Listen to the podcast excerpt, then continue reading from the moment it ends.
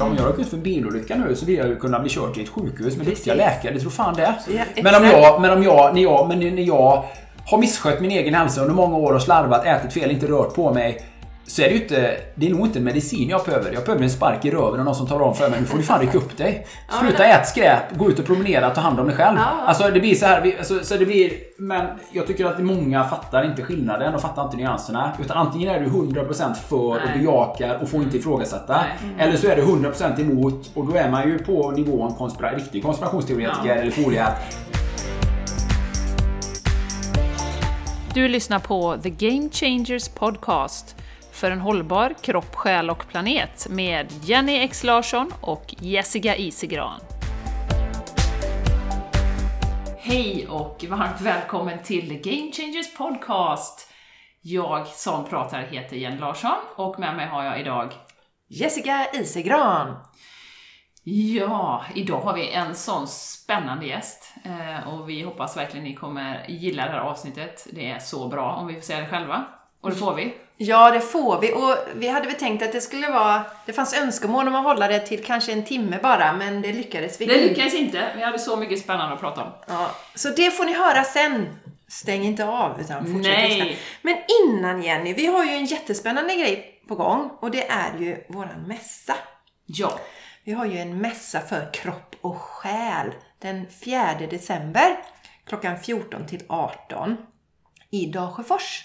Ja, Dalsjöforsparken. Mm.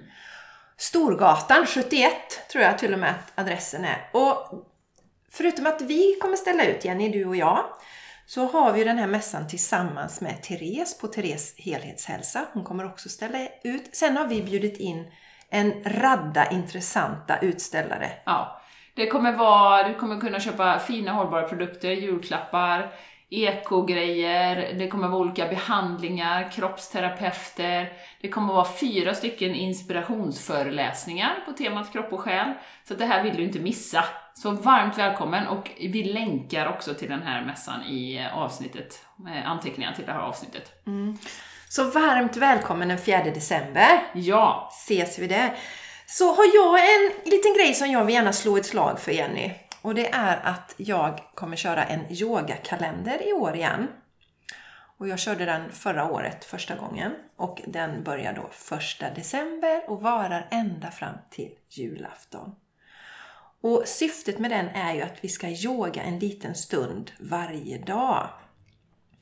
Så känner du att du vill vara med i en härlig gemenskap. Vi har en Facebookgrupp som är fantastiskt härlig. Mycket pepp, mycket hjärta. Så signa upp för den här yogakalendern. Och vi börjar som sagt den 1 december och håller på fram till och med julafton. Och det blir ett yogapass som du kör varje dag och sen blir det också livepass med mig, Jessica. Och du hittar det här om du går till jessicaisigran.com. Och jag an- eller vi länkar också till det i anteckningarna till ja det är avsnittet här. Ja, det var svårt. Länka. Det var svårt. Ja! Och sista grejen innan vi eh, kommer släppa in gästen nu då, är ju att vi har ju faktiskt en community på nätet också. Som heter Game Changers Community, där vi har två live-events varje månad. Och syftet med det är att stärka oss själva inifrån, att ha en härlig gemenskap.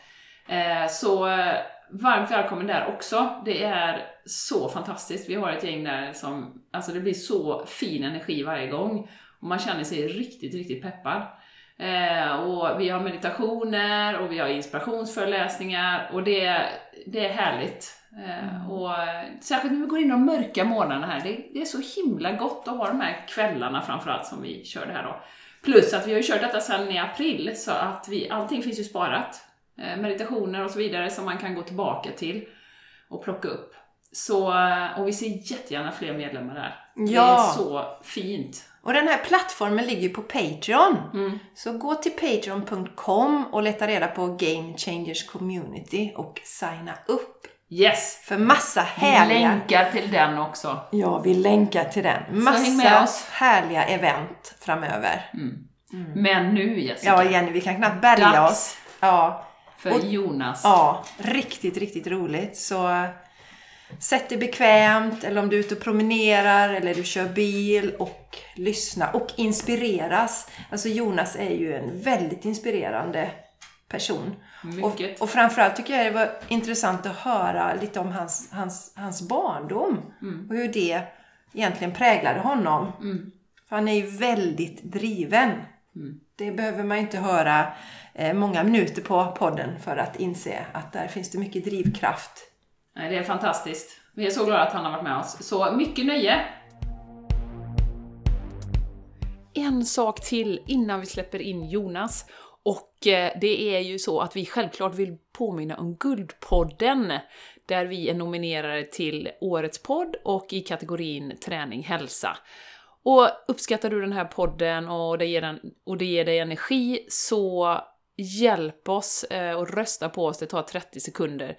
Gå till guldpoddenpriset.se, rösta på oss i Årets podd och i Träning Hälsa. Det uppskattar vi jättemycket. Gör det nu, för du kommer inte komma ihåg det efter vi har haft den här fantastiska podden med Jonas. Så stanna här nu, gå in och rösta på oss. Och vi är så supertacksamma för det, för då kan vi nå fler som eh, och leva ett riktigt bra, hållbart, härligt liv.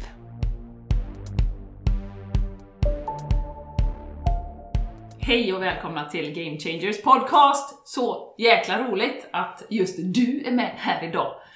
Idag är jag lite extra exalterad som ni hör. Vi har äntligen fått till en gäst som vi har haft ögonen på ett tag. Och eh, ja, eh, det är alltså Jonas Kolting från Borås. Varmt välkommen till Game Changers podcast. Tack så mycket.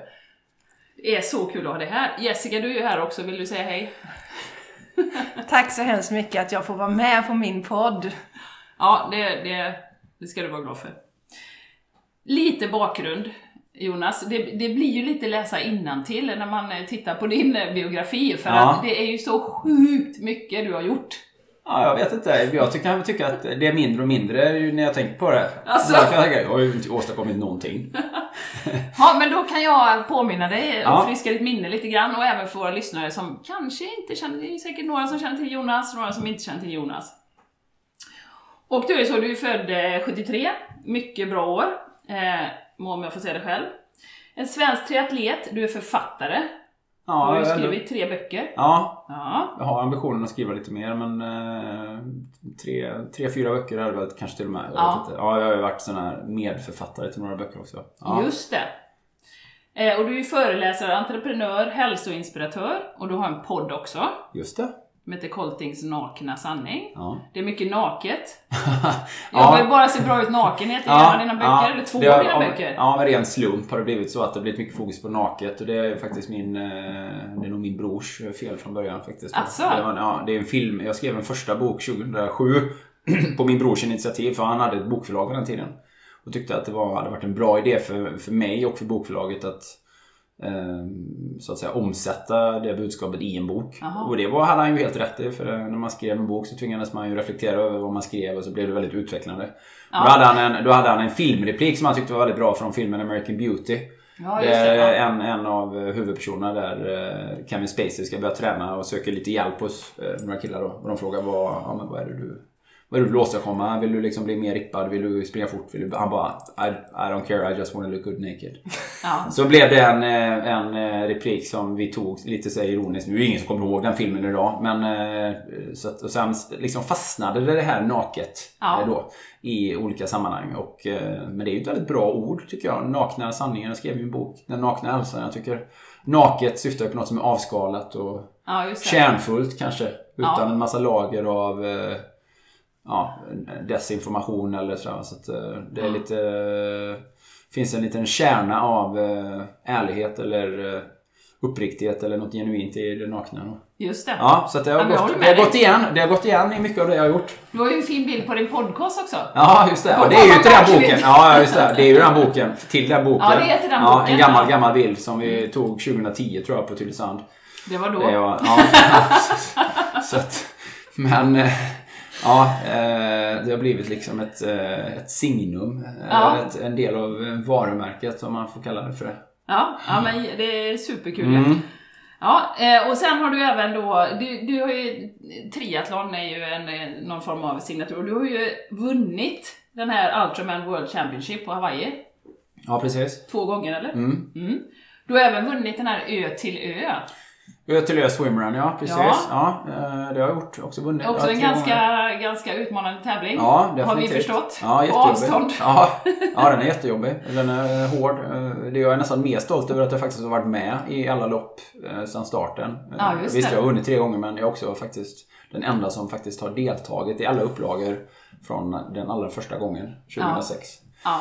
Så att det är, det är en tradition eh, som jag försöker hålla i ända tills benen inte bär mig längre. Nej. Och det lär ju vara ett tag till. Ja, det vet vi inte. Så det, det, det kan gå fort. Det kan, hända, det kan ju räcka att man stukar foten veckan innan loppet eller någonting. Ja, så, ja, ja, så hindrar det en. Men eh, det är i alla fall kul att ha kommit till start alla år Ja. hittills. Ja. Ja, superkul. Ja, jag lyssnade faktiskt på ett poddavsnitt där, där du, ni pratade om den. i år. Ja, ja, i år körde Ja. jag med Petter, eh, Ja. artisten. Det var ju väldigt roligt. Han har ju också kört ganska många gånger och vi känner varandra. Så att, eh, nu när inte min fru kunde vara med i år, eh, inte riktigt i form efter att ha fött två barn inom en ganska kort tidsrymd. Så, Mm, Eh, ja, nej, men eh, jätteroligt. Varje år bjuder på liksom nya förhållanden och utmaningar. Mm. Och varje gång man är med och kör det loppet så, så slås man av hur eh, jävla långt det. Ja. Så orimligt, en orimligt lång dag. Ja. Orimligt mycket svårigheter och motstånd och, och otroligt många öar att springa över och väldigt många havssimningar att täcka Ja. in. Ja, ja. Många svåra och hala klippor man ska balansera på och klättra över. Och så. Men, ja, men ja, det är en del av eh, min identitet idag liksom. Så Ja. Att, ja, kul faktiskt. Och nu, nu för tiden, förutom att du ställer upp i de här loppen då, så är det ju mycket att du arrangerar egna tävlingar Ja. här i Borås. Faktiskt, Ja. våran swimrunbana gick ju förbi precis utanför ert hus här. Ja, gjorde Ja. den. Ja, vi satt där och kollade när de halkade ja, ner ja. för backen. Ja. Ja, nej, men det har ju blivit en del i liksom eh, eh, vad ska man säga? Alltså en naturlig konsekvens av min bakgrund är också att nu arrangera lopp för andra människor. Mm, Därför att nu, det hade ju inte kanske varit eh, Det hade inte varit rimligt att göra det för 15 år sedan för då fanns det liksom ingen eh, det fanns ingen målgrupp att arrangera de loppen för. Det var så liten företeelse, både triathlon och swimrun. Men nu har ju det tagit fart eh, och blivit, eh, inte folksporter, men definitivt eh, breda motionssporter som är tillgängliga för väldigt många. Och ingen höjer på ögonbrynen alls längre när någon säger att de ska köra en triathlon eller köra en swimrun. Alltså folk fattar att det beror på vilken distans man kör och att man kan ju absolut köra som nybörjare och eh, precis som alla andra sporter så finns det ju en elit som eh, man liksom inte riktigt kan relatera till för de är så otroligt duktiga. Men eh, att, det är väldigt, att både swimrun och triathlon är fantastiska vuxenmotionsformer. Väldigt trevliga, allsidiga, hälsosamma och Ja, så att det är, ju, det är ju roligt att arrangera event. Jag älskar ju det. Även om det är väldigt mycket ångest naturligtvis också. Hur många finns tusen olika parametrar som kan gå fel. Bara som en sån här grej att de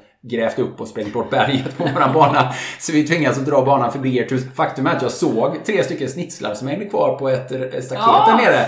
Det måste vi ha missat. Eller de måste ha flyttat den, eh, vad det nu är, den här tillfälliga vägbarriären då. Från, från att vi snitslade till att vi skulle snitsla av. Nu hänger de här nere. Jag får stanna bilen på vägen ut och ta bort dem. Gör det. Ja, eh, men, eh, nej, men det och coaching. Att coacha mycket människor i triathlon framförallt då. Ja. Och att lära folk att simma och sådär. Så att det har blivit en, en helt en fungerande verksamhet att driva nu. Det- Det hade det inte varit för 15 år sedan. Då hade det varit väldigt konstigt eller väldigt ovanligt om vuxna människor så bara Ja, jag vill lära mig crawla för jag ska köra triathlon. Alltså, de hade man kunnat räkna på handens fem fingrar. eh, Så, eh, Ja. Eh, Kanske naturligtvis mer än så, men det var inte den här breda uppslutningen kring de företeelserna som det är nu då. Ja. Du har varit lite sugen Jenny va? Ja. Och lära dig Jajamän. kråla. Ja. Ja.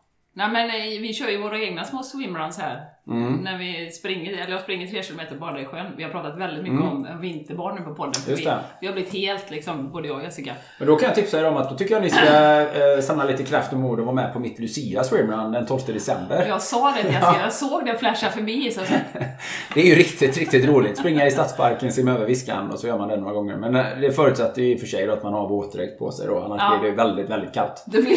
Ja, nu, nu är jag ju en liten grann, nu gillar jag ju den där riktigt, eller jag gillar inte det men jag har ju gjort lite sådana riktiga vintersimningar. Jag var ju med på såna här vinter, jag har gjort alla typer av simning inklusive sån här riktig issimning när man hugger upp en bassäng i en eh, frusen älv. Alltså man hugger upp en simbassäng i, på Skellefteåälven och så är det, så noll, det är 0 grader i vattnet, 0,3 grader. Och så simmar du utan skyddsutrustning med vanliga, ja men typ eh, som man ser en simtävling på TV. Alltså badbyxor och eh, ja, simglasögon och badmössa. Klassisk eh, simutrustning och så simmar man klassiska simdistanser då. 50 frisim och 100 frisim.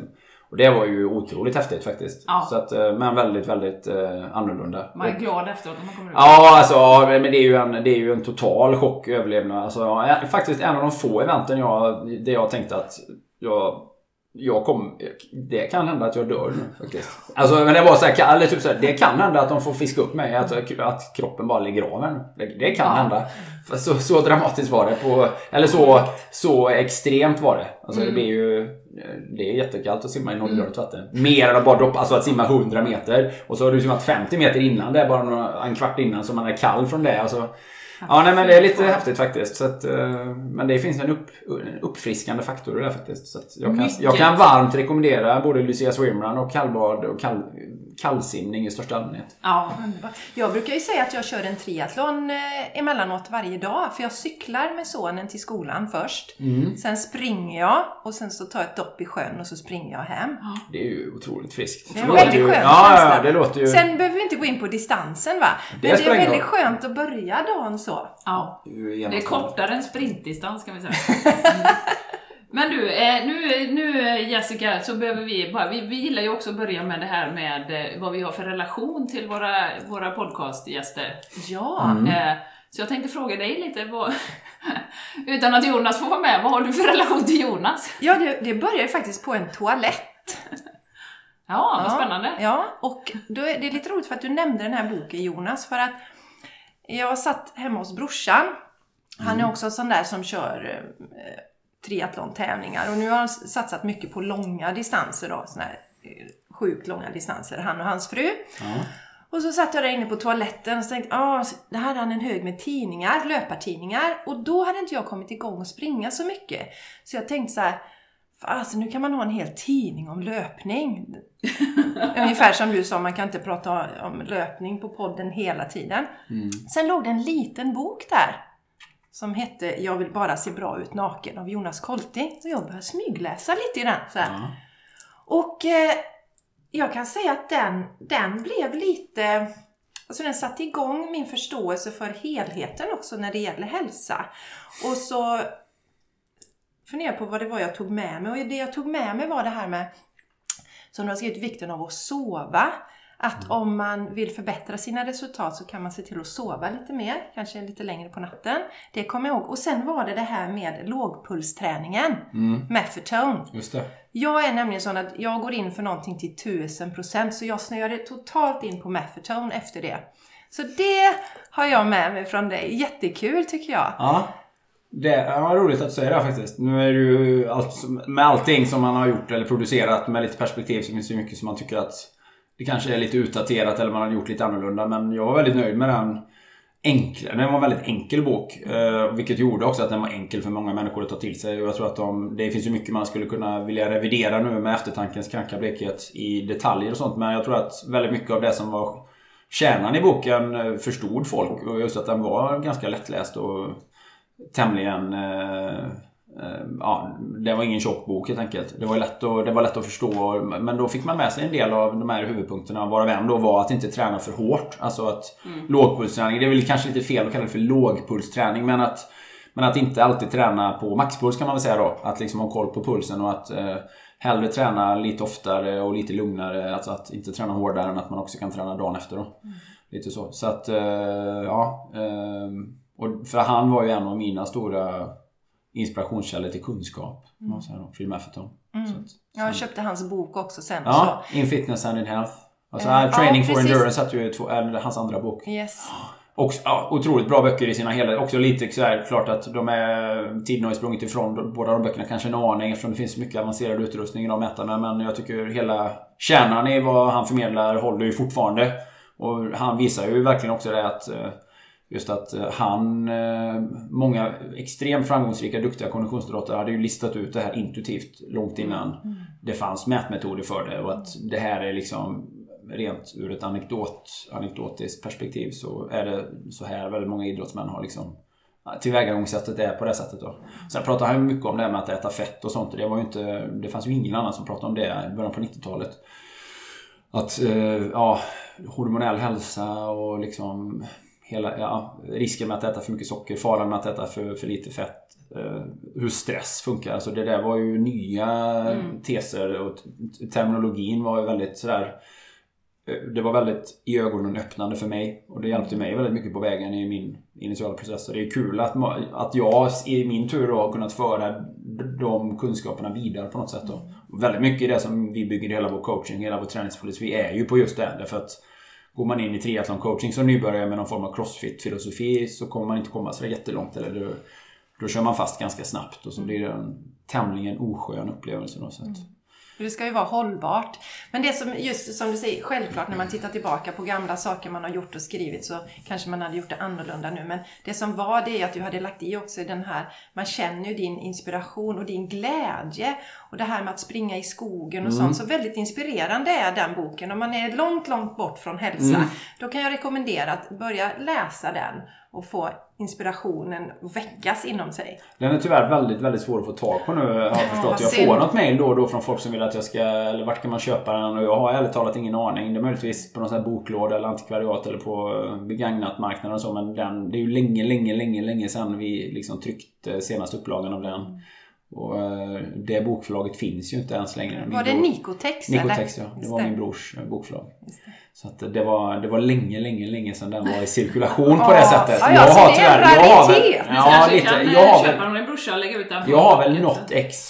eh, Jag har väl något eget ex kvar då, sådär själv. Men i övrigt så har jag varit väldigt dålig på liksom att samla på mig och ha eller alltså, att ha sådana här referensmaterial från det jag har gjort själv. Det tänker man väldigt sällan på i det läget man har ett överflöd av dem. Och så bara, oj, nu är alla böcker borta. Ja, precis. Vad var det jag skrev egentligen? Ja, precis. Oj då, vad var det jag skrev? Ja, Jenny darling, vad har du för relation till Jonas då? Ja, nej men jag eh, visste ju inte så mycket om Jonas förutom att jag har känt till ett namn. Mm. Liksom för att du är boråsare och liksom, jag är boråsare också. Eh, så. Eh, men egentligen är det ju senaste ett och ett halvt åren då i den här eh, situationen vi har varit i. Mm. Eh, som du har liksom varit en av de få som har vågat gå mot strömmen, en av de få som har vågat ifrågasätta vad vi håller på med i det här samhället. Eh, Mm. eh, och varför alla gör detsamma eh, och ingen vågar säga någonting mot någon annan. Och, och det, om man säger, om man pratar om den här podden då och hur, hur den här senaste året har påverkat så har ju våran podd, vi pratade om det innan, handlar om hållbar kropp, själ och planet och sen kan vi brodera ut åt olika håll. Men till syvende och sist så har den ju kommit att handla om att bygga sin inre styrka. Och varför behöver man bygga sin inre styrka? Jo, för att du behöver leva ditt liv, du behöver känna in vad känner jag, vad tycker jag i det här och sen inte leva någon annans liv och vad alla andra säger att man ska göra. Och då har ju du verkligen stått ut Jonas eh, i den här... Ja, Du- du- och, ändå, och ändå inte så mycket som vi hade velat, eller jag hade velat. Nej. Eftersom det är så jävla känsligt och svårt Nej. och eh, potentiellt mycket, mycket, mycket negativt på alla andra plan i det egna livet. Så Ja, att, men det är eh, som du säger. den- Skrämmande egentligen. Ja, och det finns, en, det finns ju en... Ja, nej men det finns ju en tendens att vilja, att vilja censurera sig själv och det har ju jag absolut gjort. Eh, Det finns ju mycket som vi hade velat debattera. Ändå har ju vi kanske ändå, ja, jag har ju ändå varit, varit en av de mer frispråkiga i många olika sammanhang. Alltså un, under året då. Eh, på, ja, när det gäller olika ämnen då. Det finns ju ganska många infallsvinklar på vad vi har sett här nu det sista. Alltså det här finns, man kan ju diskutera det ut- utifrån ett folkhälsoperspektiv. Utifrån ett ekonomiskt perspektiv, utifrån ett ekonomi, alltså industriekonomiskt perspektiv med Big Pharma, alltså olika typer av incitament. Man kan diskutera det utifrån ett demokratiperspektiv, yttrandefrihetsperspektiv, Ja, utifrån, ett, utifrån ett eh, självständighetsperspektiv, eh, grupptryck, grupptänk. Alltså det finns väldigt många eh, infallsvinklar på det som vi har liksom upplevt nu det senaste ett och ett halvt året. Ja. vi, och alla de bitarna eh, Ja, det kan man ju göra till sin eh, eh, Vad ska man säga? Det kan man ju tända en brandfackla kring väldigt mycket. Ja. Att, och det har ju vi och jag gjort emellanåt när det har funnits energi och ork och eh, när man känner att man har argumentation. Eller när det rinner över liksom lite grann då. Ja, vi, ska har ändå lagt, vi det. har ändå lagt band på oss väldigt mycket. Alltså väldigt mycket av det som vi upplever är brännhet och är vi avhandlat innan vi sätter på mikrofonen. Ja. Och så, bara, och så har vi fått prata av oss och så bara så här, okej. Nu ska vi spela in podden om det här istället. Hög igenkänningsfaktor på det. Hög igenkänningsfaktor. Som sagt, jag satt ju i Spanien under lockdown. Jag, Ja. hade, jag, hade lite, jag hade några nätter där, där det liksom... Jag var uppe till fyra på natten och det bara spann i huvudet på Nej men alltså, jag var ju i Spanien när det slog till också. Ja. Och, jag, det, och det var ju den, alltså, och det har ju varit det genomgående temat, alltså bristen på logik och så här, vi, menar, vi var ju på träningsläger på Playitas när det här eh, hände och det var liksom så här att det accelererade ju väldigt mycket under den veckan vi var där. Att det pratades om Corona och Covid och liksom att man fattade att nu det liksom håller på väg och vi hade på CNN hela tiden och det var från hela världen, det var New York och sådär. Och sen sista dagen vi var där, sista hela dagen, så var vi ute och sprang på morgonen, sprang distans och så kom vi in i en liten stad som ligger jämte Playitas och så var det poliser på strandpromenaden då. Klockan var ju åtta på morgonen, det var ju en söndag, det var ju tomt. Och vi tänkte, vad har det hänt? Har det hänt något våldsdåd, en olycka någonting? Och så bara, bara, you have to go home to the hotel. Bara, run back straight away. Jag bara, okej. typ. Eller varför det? Eller, ja ja. Och, ja, visst. Gjorde man ju det då. Och sen kom man tillbaka till hotellet så bara, You have to stay. Ja men allting kommer stänga ner här och så här. Ni måste stanna på rummet. Jaha, vad, hur ska vi äta då? Nej men ni får gå ner och äta buffé såklart. Vi bara okej. Eh, men då samlas ju verkligen alla vi ska äta buffé samtidigt. Ja men det får ni göra. Ja ja men jag får väl gå ner och simma i havet i alla fall. För det är jag ju helt själv. Nej men det får du inte göra. Nej, nej. Det får du inte nej, göra. får du inte vara på. Nej men får man springa ute på anläggningen? Ja du får springa inne på anläggningen här då om du ska, absolut ska springa. Och sen stängde de ju ner det också. Åkte ju runt polisbilar och satte upp eh, snitsel eh, liksom över allting. Man, jag bara, men jag fattar inte logiken. Jag får gå ner och äta buffé med alla andra. Jag får inte gå ut själv och simma i havet. Nej. Förklara för mig. De bara, "Ah, de bara nej men vi kan inte förklara. Det, de har bestämt, det är bestämt. Jag bara, men måste kunna förklara varför det är bestämt så. Någon måste kunna argumentera. Ja men så här är det. Bråka inte. Och någonstans direkt där så fattar man ju att det här finns ju ingen Det finns ju ingen rimlighet och logik bakom det. Men då var det ändå så här, okej Ja okej, man får ja, acceptera det bara. Vi ska ändå åka hem imorgon. Vilket vi gjorde. Och sen så var man ju i Sverige och här hade vi ju ändå då eh, ändå väldigt, väldigt, väldigt eh, livet fortsatte ju ändå väldigt normalt i Sverige. Man tittar ju med, med avsmak på hur det var då för er i Spanien och Italien. Man bara, ja, var inte folk sjuka innan så blev ju, men fan det under tiden i alla fall. Jag menar, hade tvungen, tvungen att sitta inne i sju veckor. Och det är ju mycket så här, men om detta hade hänt i Sverige. Ja men hur hade man förhållit sig till det här liksom? Hur långt hade man kunnat pressa folk till att göra fullständigt orimliga saker? Du måste stanna inne. Varför? Jag, ska, jag vill gå ut och springa själv. Jag ska inte träffa någon. Nej, du måste stanna inne. Men för vems skull? Nej, men gör det nu för att vara... Du ska vara en bra människa nu. Ja, Vara en bättre människa. solidarisk. Ja, solidarisk. Eller mot vem? Mot vad? vad ska, vem ska vara solidarisk mot? Vem, eller mot vem är jag osolidarisk om jag är ute och springer? Mot de som inte kan springa. Ja, fast det kan man ju säga i största allmänhet då. Ja, ja. Att, eller, eller ja, det, alltså, nej, man hamnade ju aldrig i de diskussionerna för det kom aldrig till Sverige. Men det var ändå så här att någonstans började de här tankarna på Fan, det, nu, vad konstigt det blev nu eller var, vad, hur, hur betraktar vi det här och vad vet vi och vad vet vi inte och ja, nej men så någonstans där började ju hela den här känslan av eh, ja, orimlighet eller vad man ska säga. Eh, Att, att, men det var lite svårt att greppa och förstå och hänga med i de olika resonemangen kring vad som var rimligt och orimligt. Och jag var ju väldigt tidigt. Jag skrev ju, vet, jag har ju något inlägg sparat som jag la ut. Jag skrev ju någonting om det här. Alltså när man börjar prata om så här. Man får inte vara mer än 10 pers i ett rum. Man får inte, och jag bara, vänta lite nu här. Vi har ju något som heter mötesfrihet. Det är ju en av demokratins grundpelare liksom. Någonstans där, så här att eh, hur beredda är vi att liksom låta demokratin göra avsteg? Eller hur långt är vi beredda att inskränka vår demokrati? Var, varför, varför tror folk att staten är god? Liksom att staten är så här omhändertagande moder. Varför, varför, varför tror vi det? Och att det är väldigt svenskt. Staten ska klappa oss på huvudet och ska ta hand om oss. Jag bara, staten, det är en massa tjänstemän som vill ha ryggen fri. Det finns ingen som ingen... Alla är i någon, någon mån liksom jobbar med egen nytta som främsta drivkraft. Liksom. Det är väldigt få människor som är helt oegennyttiga. Liksom.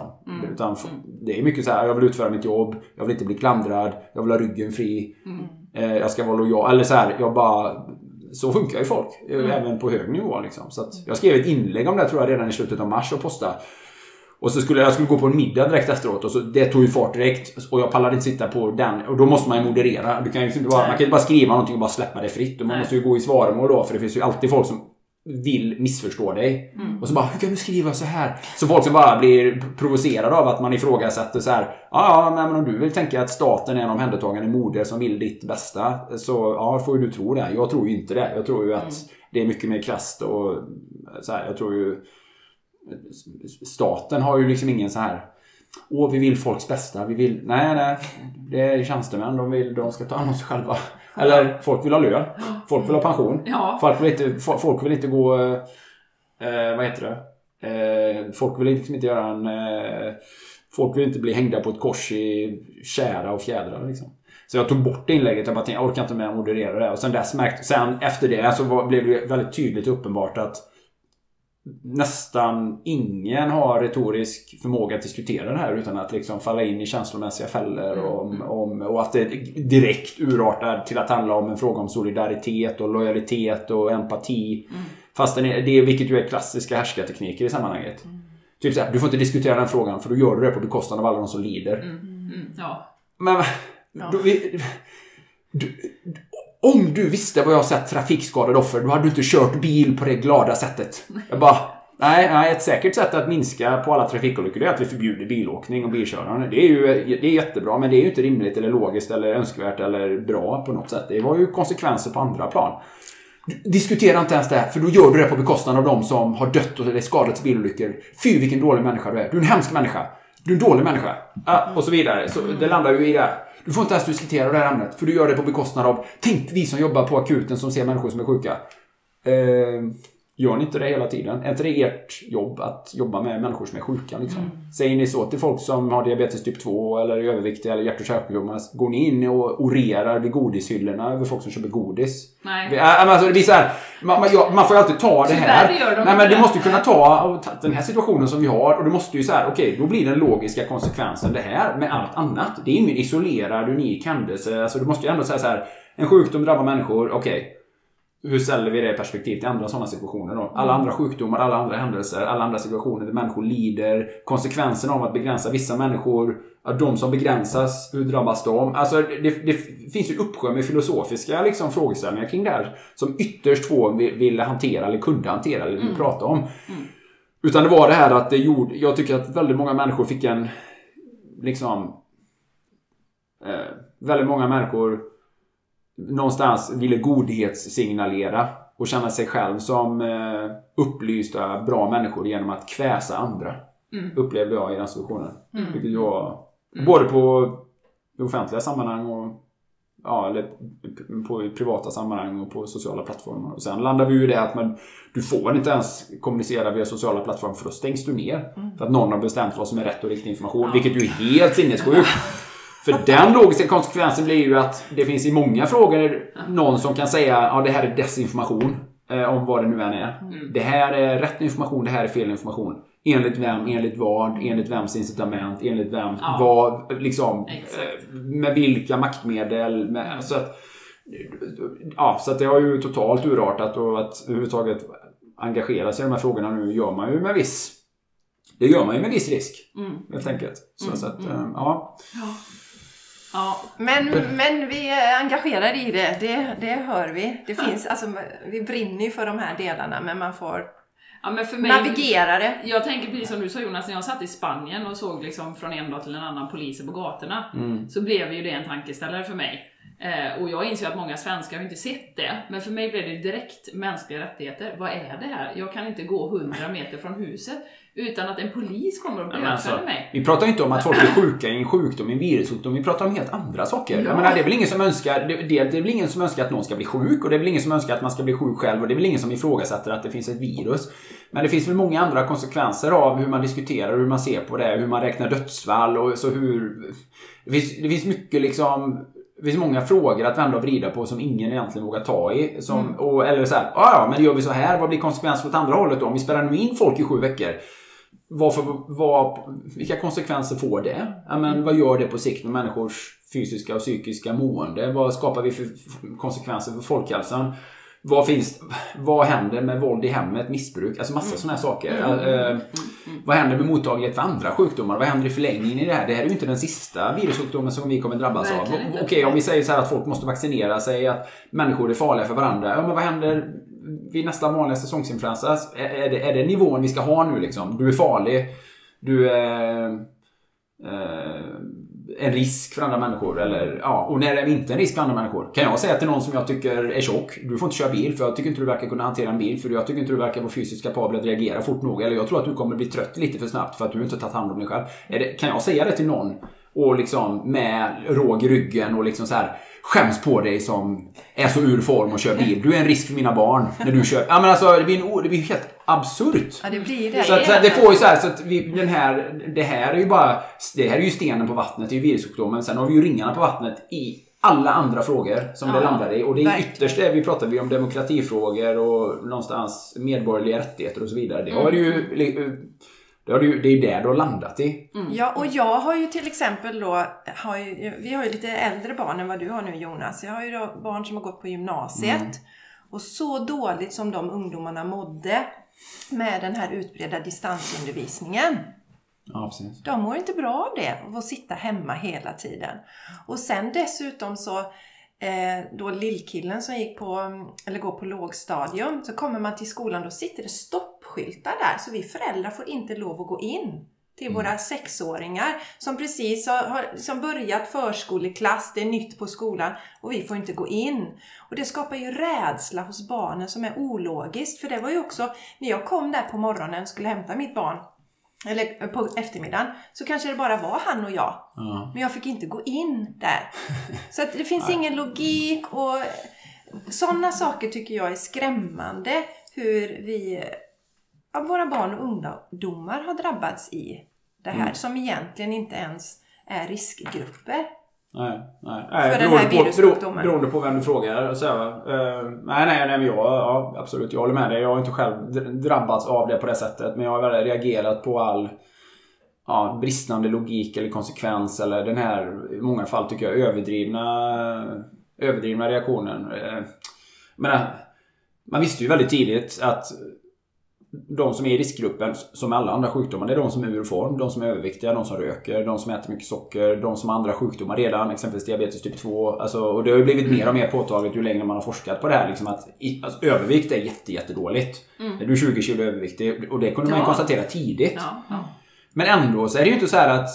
Och sen så hade man ju en dipp ganska tidigt där för det, det kom ju i mars någonting och sen så blev det ju försommar och då hade man ju den här första dippen och man tänkte att det försvann.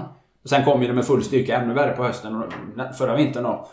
Men, eh, men ingenstans under den sommarperioden sa man så här att eh, ja, vi vet inte vad som kan hända i höst. Man pratar om en andra våg, vi vet inte. Men för säkerhets skull, eh, använd sommaren gärna till att komma i bättre form. Eh, eh, Folkhälsomyndigheten eh, informerar och inspirerar till så här att eh, satsa lite extra på din egen hälsa under sommaren här. Ni som är överviktiga, gå gärna ner 10 kilo. Eh, Och, det är också så här, nej men det får man inte säga för då har man eh, st- stigmatiserat de människorna. Man får inte ens använda ordet i vissa sammanhang, övervikt eller fet eller alltså Nej. Man ska låtsas som att det regnar som att det inte finns eller man ska eh, Ja, vet inte, men man ska Och politiskt korrekt. Ja, men vara politiskt korrekt men, man, men, men, men i många andra sammanhang så är man ju inte så, så skriver man ju folk på näsan med massa olika saker. Men, men just att här har man ju information som faktiskt kan eh, hjälpa människor. Jag menar, det är ju inte alla människor som, som känner sig kränkta av att... Jag menar, folk som är överviktiga vet ju i regel att de är överviktiga. Och väldigt många som är i form vet ju i regel att det hade varit bra att komma i bättre form. Och här finns det dessutom en väldigt god anledning till att göra det. Typ att din bästa försäkring här för att eh, inte bli sjuk eller bli allvarligt sjuk det är att tappa 20 kilo vikt under de här tre sommarmånaderna. Vilket ju är helt rimligt att göra om man har vikt att förlora. Det hade man kunnat sagt tycker jag. Det hade Ja, varit ett hade jättebra sätt att, att, att, så här, att eh, låt oss eh, Låt oss hindra människor att eh, låta se till att de som är sjuka har en mycket, mycket bättre chans att eh, klara sig. Låt, låt oss underlätta för vården. Låt oss, eh, låt oss mota Olle grind. Låt oss hindra onödiga tragedier. Det tycker jag hade varit det absolut viktigaste och bästa sättet. Det hade varit en, en helt rimlig åtgärd, en, en rimlig information. Istället så eh, Ja, man har inte sagt det. Man har, man har, man har, man har pratat i eh, undanglidande, undanglidande ordalag. Man har, man, har liksom, man, har fått, man har fått tolka det själv. Att ja, överviktiga är lite överrepresenterade. Vi tror det i alla fall. Alla i vården kunde ju bekräfta det. Hundra, alltså, ja. vi har bara det tjocka finns människor siffror här. från hela världen. Ja, eller Ja. alltså... det, det, man fattade det rätt tidigt och man behöver inte vara, man behöver inte vara medicinskt utbildad för att förstå att ja, är du sämre ifrån från början så är du extra utsatt. Det är som allt annat. Röker du kommer du vara extra utsatt. Det här sätter sig på lungorna. Ja, eh, go figure liksom. Du kommer vara extra känslig om du får någon typ av lungåkomma. Ja, att du röker innan kommer inte hjälpa din situation. Sluta röka, gå ner i vikt, börja träna, ät mindre socker. Det hade man kunnat vara jättetydlig. Gå ut i solen, få D-vitamin. Vilken bra information det hade varit. Men man jobbar inte med det här sättet. Utan det, det, och det var också så här, jag bara... Det här, hade, det här hade varit att adressera problemet på ett bra sätt, ett konstruktivt sätt, ett tydligt sätt. Man pratar till folk så de förstår. Ja. Istället för så här, du måste lära... Du, ja, men de här ologiska grejerna här. Barnen får träffas här, men inte här. Här ska vi ha... Här är detta, men inte här. Ja. Eh, I Spanien liksom. Man var I där. skolan fick Ja, de träffas alltså. men inte hemma hos kompisarna var det en del som körde. Folk, folk hade munskydd på sig, var ute och promenerade, sen satte sig på en parkbänk, tog av sig munskydden för att röka. Man bara, ja, jag vet inte om det hjälper dig i något sammanhang det här. Du Alltså, får ta av dig det på, när du är på restaurang också. Ja, ja, absolut. Du måste ja, ha det på när du ja. går in. Eller Du så här, ta av dig när är du du, ute, är du ute och går, då, eller transporterar du dig, då behöver du ha munskydd. Är du ute och tränar behöver du inte ha munskydd. Nej. Så att så här, om du bara ser lite svettig ut och rör dig snabbt behöver du inte ha munskydd. Vilket ju är skönt. Men man bara, jag fattar inte alltså logiken och rimligheten och... Men det, ja, det är och tusen andra grejer. Ja. Det är och tusen andra grejer. Ja. I det här liksom. Ja, ja. Som, som är Det är ju så. märkligt. eh, Mycket och märkligt. Och det är ju där jag tänker det här som vi pratade om, det här med att staten är någon god överhet där som alla, åh vad ni vill oss. Alltså någonstans när man ser att logiken verkligen krackelerar och när man har varit i Spanien och ser att du får inte gå på stranden. Eh, alls. Stranden var ju stängd, polisen tog ju dig om du gick på stranden. just och du fick 600 euro böter. Eh, då börjar man ju någonstans ifrågasätta lite grann den här godheten.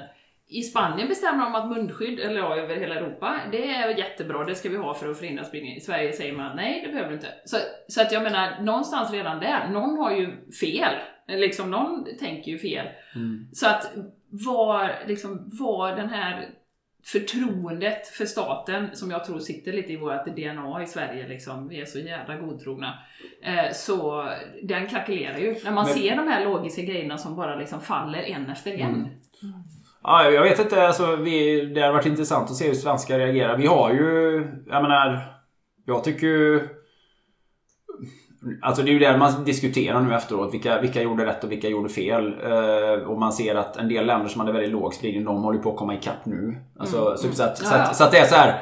Ja, ett visst antal människor kommer att bli smittade och dö, dö i det här. Ja, förr, eller senare, förr eller senare. Alltså, Ja, som varje år. Men jag menar, som Nya Zeeland då som i princip var helt smittfritt i sex eh, månader och nu så här, har det haft lockdown i flera omgångar då, för att det räcker att en person kommer in och så bara... Så att man, så här, it's gonna run its course någonstans. Som man, på, på många sätt. Och, ja.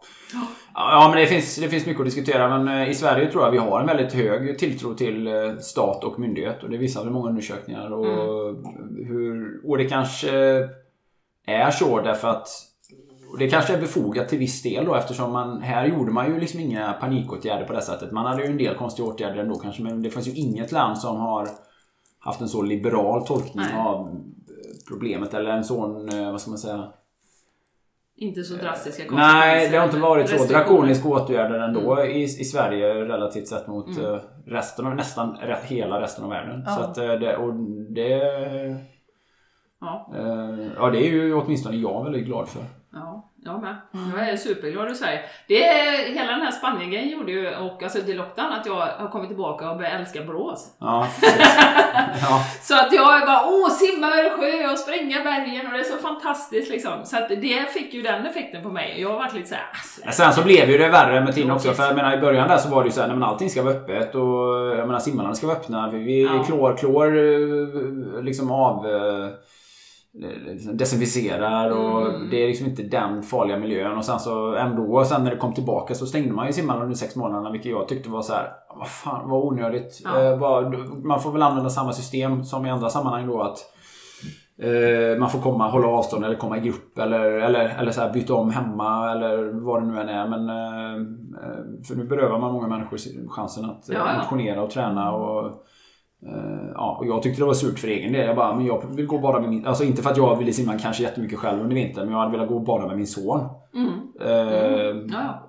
för han höll precis på att lära sig att kråla och genom den här pandemin och lockdown så han tappade liksom ett helt år. Han var liksom tillbaka på scratch efteråt nästan. För att, Ja, men det var mycket sådana saker. Så att det blir, men då blir man också anklagad för att vara självisk och egennyttig och bara, "Ja, men det är för att du vill gå och simma själv. Ja, det tror fan det. Ja, precis. Jag vill, jag vill utnyttja, ja, precis. Jag vill gå till den kommunala anläggningen här och simma och bada, ja. Vilket jag tycker absolut att man inte behöver be om ursäkt för. Nej. Och vilket ju inte heller, det finns ju inget offer här. Nej. Det finns ingen som är ett offer här. Det Nej. görs inte på någon annans bekostnad. Nej. Så att det var ju mycket med de grejerna som var så här lite, lite märkliga och som jag hade svårt att... Som jag fortfarande har svårt... Och som häng, det hänger ju kvar till stor del. Det är fortfarande skyltar uppe, håll avstånd, vissa hänsyn. Jag bara... Ja, torka av. Torka, det här på gymmet, så här orimliga. Folk håller på att torka av. Jag bara... Det, du behöver inte torka av säger jag alltid. För jag tänker inte, ja, men jag tänker inte äta någonting på hanteln. Eller vet så här, okej jag förstår. när någon har svettat och det har runnit så här, ja det är fräscht ändå. Ja, ja, ja. Men om någon har ju kört bänkpress och så här legat med en torr rygg och så hållit sina händer. Torka inte av det. Jag tänkte inte slicka på, jag tänker inte slicka på skivstången. Alltså det blir här symbolhandlingar för mig som blir så här, det blir imbecilt för mig. Ja. Fullständigt imbecilt. Jag menar, vem är på gymmet och inte tvättar händerna efteråt ändå? Nej. Bara, ja, man vet ju att man inte ska slicka på fingrarna när man är på gymmet. Man torkar sig inte i ögonen. Nej, precis. Och om du torkar av den skivstången eller inte kommer inte spela någon roll. Nej. för jag menar, det är inte, du kommer inte desinficera den fullt ut ändå med alla räfflor och sprickor och handgrepp som finns liksom. Får du, det- Då får du lägga den i kokande vatten i 100 grader. Nej, men alltså det blir så här. Bara, nej men det är fan, jag tar över. Eller så här, Ja, jag, ja, ja. jag vill liksom så här, du behöver Ja, inte, du behöver inte, du behöver inte, eh, du behöver inte ägna dig åt symbolhandlingar framför Nej. mig. Jag tar över den här, jag, jag kör här nu. Och jag kommer inte heller torka av den efteråt. Nej. Det, det Och ät, in- ät ingen mat på den, det är regeln. Du kan ta upp din lunch på den här, eh, på den här eh, bänkpressställningen. Ja men det blir lite så. Ja, Ja, alltså, och det blir så här, Ja, ja. försök Jag att se, koncentrera er på det primära. Koncentrera er på, jag menar, är man rädd på riktigt, då kanske du inte ska gå till gymmet överhuvudtaget. Nej, nej, nej. Eh, Så här, men, men eh, begär inte att jag ska vara här och inte svettas. Det är Nej. ett gym, jag tänker träna. Om det stör dig är det nog du som inte ska vara här. Så Ja. här och om jag, det rinner på golvet om jag kör skier, ja, men då kommer jag absolut att torka upp. Men, jag, men jag kör lite hantelsväng så kommer jag faktiskt inte bemöda mig. Nej. Bara, jag är ledsen men jag kommer inte göra det. Det- Om inte du fattar det så är det ditt problem. Det, men det är där det kommer in det här som, som jag reagerar mycket på det här. Det är ju att vi generellt inte ifrågasätter saker. Utan man bara gör det för att någon har sagt det. Och, och vi tre här som, som eh, har ett stort intresse för hälsa. Det var ju det vi såg också. att när man stänger ner möjligheten för människor att träna som vi vet skapar hälsa. Och som du säger att man inte får vara ute i Spanien. Vi behöver D-vitamin, en jätteviktig faktor i det här till exempel. Det är ju då vi börjar undra de vill inte oss, eller vårt bästa, de som tar de här besluten. Det är då mycket, nej, men det är mycket politisk korrekthet, det är mycket lojalitet. Jag menar, politik är ju liksom... Det är långsamma, stora processer. Många ska vara överens. Och det finns ju liksom säkert ett sånt där för säkerhets skull. Typ safety first. Ja. Vilket ju man kan ifrågasätta då. Jag, jag läste någon sån här intressant post där det stod så här, safety third. Typ. Därför att när safety kommer, alltså det finns ju en poäng när safety first går ut över livskvalitet, upplevelse och personlig frihet. Och, men man skulle kunna använda den aspekten i alla sammanhang och säga ja, men du behöver då Statistik visar att fall i hemmet är ganska vanligt faktiskt. Eh, Så att vi, vi uppmanar alla att ha hjälm på sig inomhus nu. Därför att och om du inte har det så är du osolidarisk mot det stora antalet människor. Relativt stora antalet. Typ Margareta Ribbing då som ramlar i hemmet. Förstår du i huvudet? På riktigt. Ja, men alltså, det går ju alltid att använda argument när man säger så här. Det, finns, det finns människor som dör av det här. Hur kan du med att ifrågasätta den här, de här direktiven? Du ska ha hjälm i hemmet. Vad är det du inte förstår? För det finns människor som dör här. Du kan, alltså, så här, det finns ju så mycket man kan prata om safety first. Där man, Ja. så här, det är uppenbart att nej, men det går ut över min Jag tänker inte gå omkring- kring med hjälm inomhus. Precis som jag säger, jag tänker inte ha flytväst på mig när jag suppar. Nej, andra kanske kan ha det som inte simmar bra, men jag har ju fan simmat runt Gotland. Alltså det är ingenting som, om jag ramlar i kommer jag hoppa upp igen. En flytväst är bara negativt. Jag suppar sämre, rör mig sämre. Hade jag nu mot all förmodan ramlat i och haft problem så kommer en flytväst bara förvärra problemen. Så att nej, jag tänker inte ha flytväst på mig. Om du vill ha det, varsågod. Ja, alltså, det finns många situationer där man kan diskutera så här att safety first är ingen bra regel. Safe, safe, safety third kanske. Först kommer många andra saker. Och Leva i synnerhet när det, typ. ja, eller, ja, livskvalitet eller personlig frihet eller, Mm. eller upplevelse eller eh, vad det nu än må vara. Liksom. Kvaliteten av det man gör blir sämre. Alltså, det här med att suppa med flytväst är ett väldigt bra exempel. Nej, men det Ja. går ut över hela aktiviteten. Ja. Och det är, inte, det är absolut inte motiverat av den obetydliga risken som är i sammanhanget. Liksom. Så att... Eh, ja, eh, vi har ju pratat en del på den här podden om att, att just att folk är rätt rädda för döden. Nu när vi är inne på, på Mm, döden. mm. Generellt sett så har ju vi skuffat undan döden i, i det här västerländska samhället. Ja. Någon dör, vi är livrädda för att dö. Eh, och, och då blir det en ytterligare sån som en våt filt som bara lägger sig över. Liksom, att Åh, folk ska inte dö. Och då det här med hysteriska dödstalen liksom, i, Ja. i, i tidningen och så. va. Ja, det är helt sinnessjukt. Och Man det kan man ju säga. på den rädslan. Jag har ju liksom. fortfarande velat att, och det är ju så här som man känner att att, att man ens lyfter frågan gör en till en riktigt, riktigt, riktigt dålig människa och empatilös och eh, okänslig och, Mm. och så vidare. Men jag menar, när någon är, när, alltså när jag har en sjukdom och snittdödsåldern är så här 82,6. Alltså det är liksom Det är snittdöds... högre än snittåldern Ja, i Sverige. snitt, snittåldern på de som har dött i covid. covid då är högre än snittåldern generellt. Och det blir så här, ja. Eh, kalla mig cynisk eller empatilös men är inte det människor som är ändå på väg att dö då? Förlåt att man uttrycker det så. Men alltså, och hur, när någon är ändå är jättegammal och kanske har andra sjukdomar. Hur kan man så bombsäkert, bergsäkert säga att det här är covid. Den räknas in i covid och nu har vi 14 514 och alla som ifrågasätter det är fruktansvärda hemska människor. Det är en så här, ja, det är en tragedi när någon dör. Jättehemskt eh, för de anhöriga. Men hur kan vi vara så säkra på att vi ska räkna in just det här dödsfallet? Den här 85-åringen i covid-dödsfallen liksom. Men- inte, alltså, hur, hur kan vi vara så bergsäkra? Hur kan vi vara så... Eh, hur kan vi med ödmjukhet hävda att så är det definitivt. Personen i fråga hade också cancer, eh, begynnande Alzheimer, var jättegammal eh, och så vidare. Mm. Men det var covid. Det är, en covid, det är ett covid-dödsfall. Men nu har de Ja, börjat blir- skriva, nu har de börjat skriva med covid i nyheterna har jag sett. De skriver inte av längre utan med. Sen Det- hade vi ju någon så eh, grej, tycker jag, någon grej som gick helt under radarn i våras. Där man pratade om att Just att man sa det då att man dog av covid eller med covid då. Att ja men exempelvis någon som hade testats positivt för covid som dog i en bilolycka. Så räknades det in i liksom covid-dödsfallen. Vilket ju Mm. eh, är ju ett sånt... Eh, ja, vilket ju är ett sånt sjukt räknefel. Ja. Så att, men, eh, eh, Över hela världen också. Ja, men någonstans så bestämde man ju så att man skulle räkna ner då med 3000. Eh, kom ju som en nyhet då i våras och det gick helt under radarn. Jag vet inte vad som hände med det här. Typ så att man har tittat på siffrorna och att man bestämt att man ska räkna ner dödsfallen och jag vet inte riktigt. Så bara det här sättet att räkna människor som har dött och vad de har dött av och den här tvärsäkerheten i att eh, Ja, det är, det är, covid, det är ett covid-dödsfall. Det är precis som, ja, och det blir så här, för mig blir det, men det här är ju så, det är så oerhört många nyanser i det här liksom, när, när riktigt gamla människor dör. Ehm, ja, hur kan vi, men hur kan vi säga så här, ja men det här är ett covid-dödsfall, vi ska räkna in detta och att det är precis, när, när vi pratar om andra risker eller statistik eller vad det än är i sammanhanget. Liksom, vi, vi räknar ju inte på det sättet i andra Nej. sammanhang. Alltså, vi pratar inte om hur många 40-plussare det är som har tagit livet av sig senaste året. Alltså, jag tittade på den statistiken för min ålderskategori 40-49 och då var det så här, om inte jag har helt fel nu, så var det 80 stycken i min ålderskategori som hade dött av covid. Eller ännu färre. Men det var typ 80 stycken. Ja, och ut, utan, att, utan att anta för mycket så, så antar jag ändå att de flesta av dem hade ganska ansenliga riskfaktorer. Kanske övervikt, rökning, diabetes typ 2 Mm. och eller något sånt här, eh, Men hur många 40 till 49-åringar, i synnerhet män då, är det inte som har tagit livet av sig det senaste året? I allmänhet. Det är den största, upp till, jag tror upp till 50 års ålder så är självmord den största, den främsta dödsorsaken bland män. Ja, Faktiskt. Eller om det är till 40, upp till 40 så är självmord den första. Det är den största dödsorsaken. Alltså det innebär att det är den största risken man tar. Är att man blir så olycklig över livet eller tillvaron att man tar livet av sig. Mm. Det pratar vi väldigt lite om. Och vi ser ingen statistik på det. Och det är inte Nej. så här ge, ge, ge din kompis en kram idag. För han Nej. kanske mår dåligt. Mm. Det hade ju varit hade så här. Var en bra människa, håll avstånd. Nej men var en bra människa och ge din kompis en kram. För att det är en person som kanske, det kanske är det som skiljer från att han tar livet av sig idag. Eller ge honom en kram och fråga hur han mår. Därför att det här är den främsta risken vi har eh, för män upp till ja, antingen 40 eller 50. Det, det är liksom, det är suicid. Ja.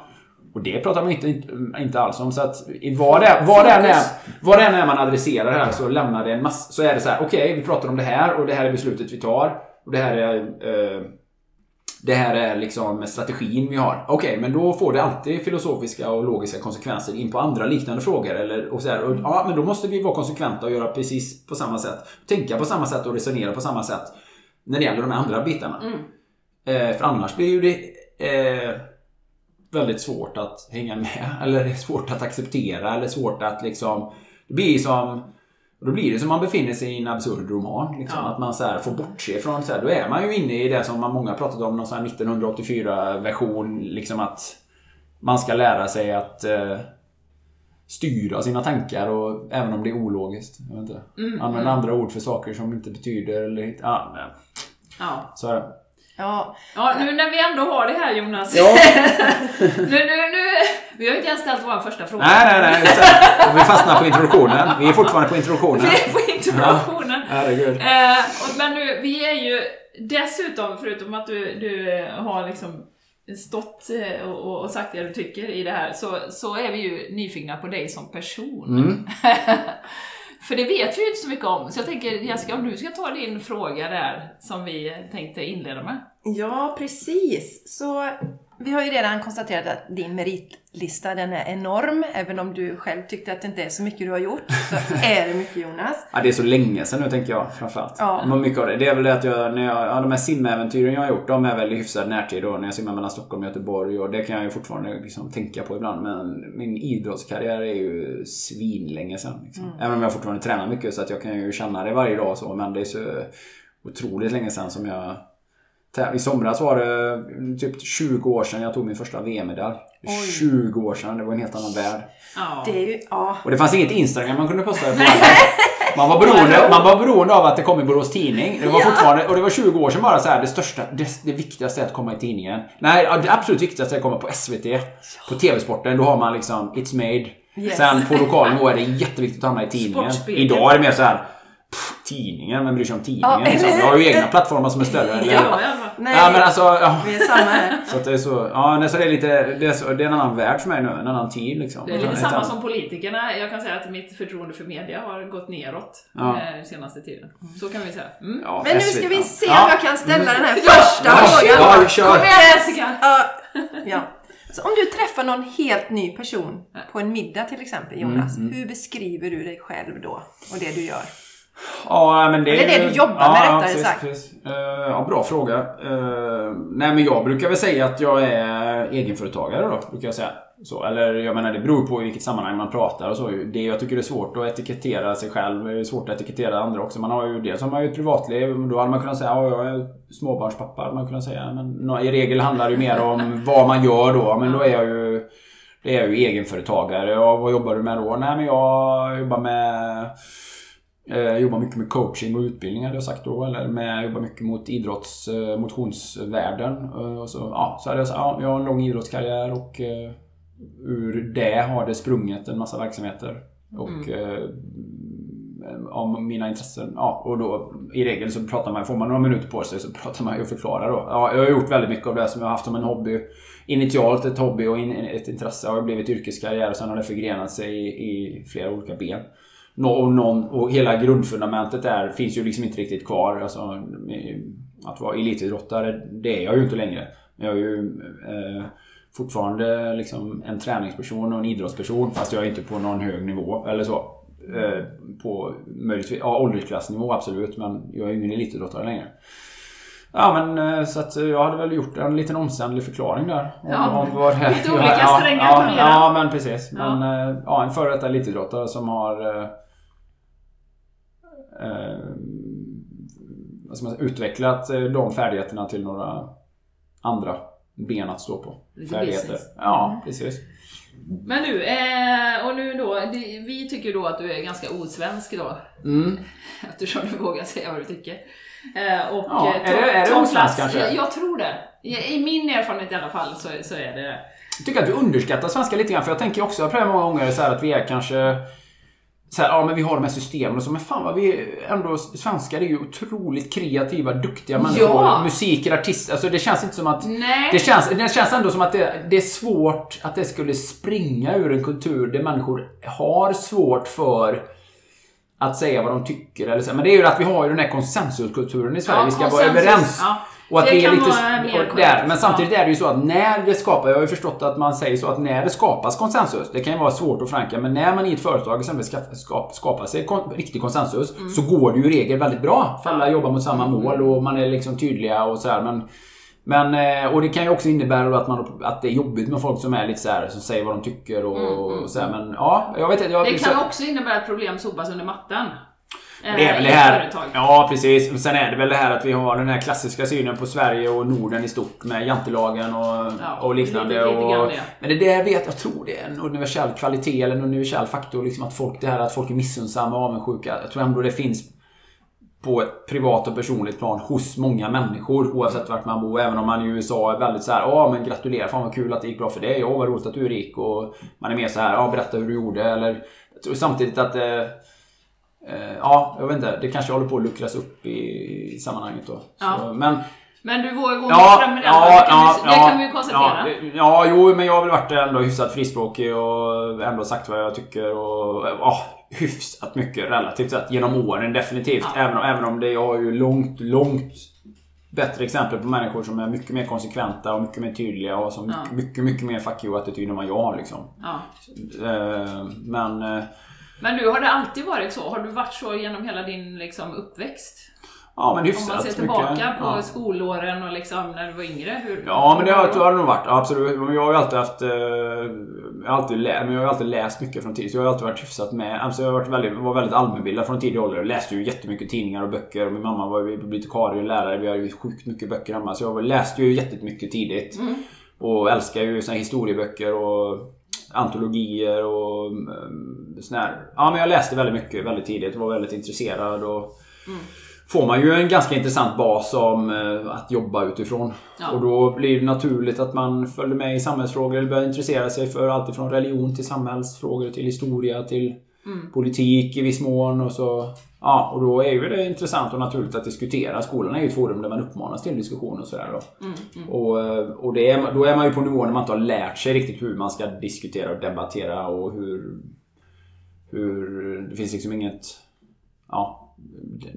det- är väldigt känslostyrt. Alltså när tre... Och ett gäng 13-åringar ska diskutera sakfrågor. Det blir ju liksom inte... Det blir inte som en modererad debatt i SVT direkt. Ja, nu är det din tur att prata. Ja, nu är det din tur. Nej, men det blir så här. Så här men jag, jag hade nog... eh, Ja, men... eh, Ja, men... Men du kunde mycket liksom, Ja, men, olika eh, saker då så att du liksom har känt att du har jag var hyfsad. kunnat land- diskutera Ja, ja, i olika Ja, forum. Ja, ja, men det blir ju en, någonstans en grund för att kunna diskutera saker. Att man har, en, man har någon form av grundkunskap eller någonting. Ja, ja. Men... Eh, eh, ja, men... Sen uppmuntrades jag att säga vad jag tyckte tror jag också. Eller att det fanns liksom inga, det fanns inga problem med det. Det var liksom, det var kul. Det var kul. Nej men det var kul att diskutera saker. Jag hade många människor omkring mig som också diskuterade mycket eller debatterade eller samtalade och liksom, jag tyckte det var kul att vända och vrida på saker och ja, och sen skaffar man sig åsikter om saker och då blir man ju lite så här att man gärna vill saluföra dem eller vad ska man säga att man vill gärna speciellt när man är ung då vill man ju gärna eh, Alltså man vill gärna visa vad man tycker. Det är ju Ja. liksom hos många unga människor vill gärna visa vilken musikstil de gillar eller vilken subkultur de tillhör. Eller de vill gärna visa sin grupptillhörighet och därigenom också visa vad de tycker om saker. Så var det väl med mig med då, även om inte det kanske var i utseendet så mycket då, men mer i, liksom, i diskussioner och åsikter. Mm. Så att, ja, men det har jag väl haft med mig hyfsat, hyfsat mycket då. Sen, sen lär man ju sig genom åren hur man ska förmedla de åsikterna. Och, och också då naturligtvis att man är väldigt eh, benägen att ändra på sig till viss del.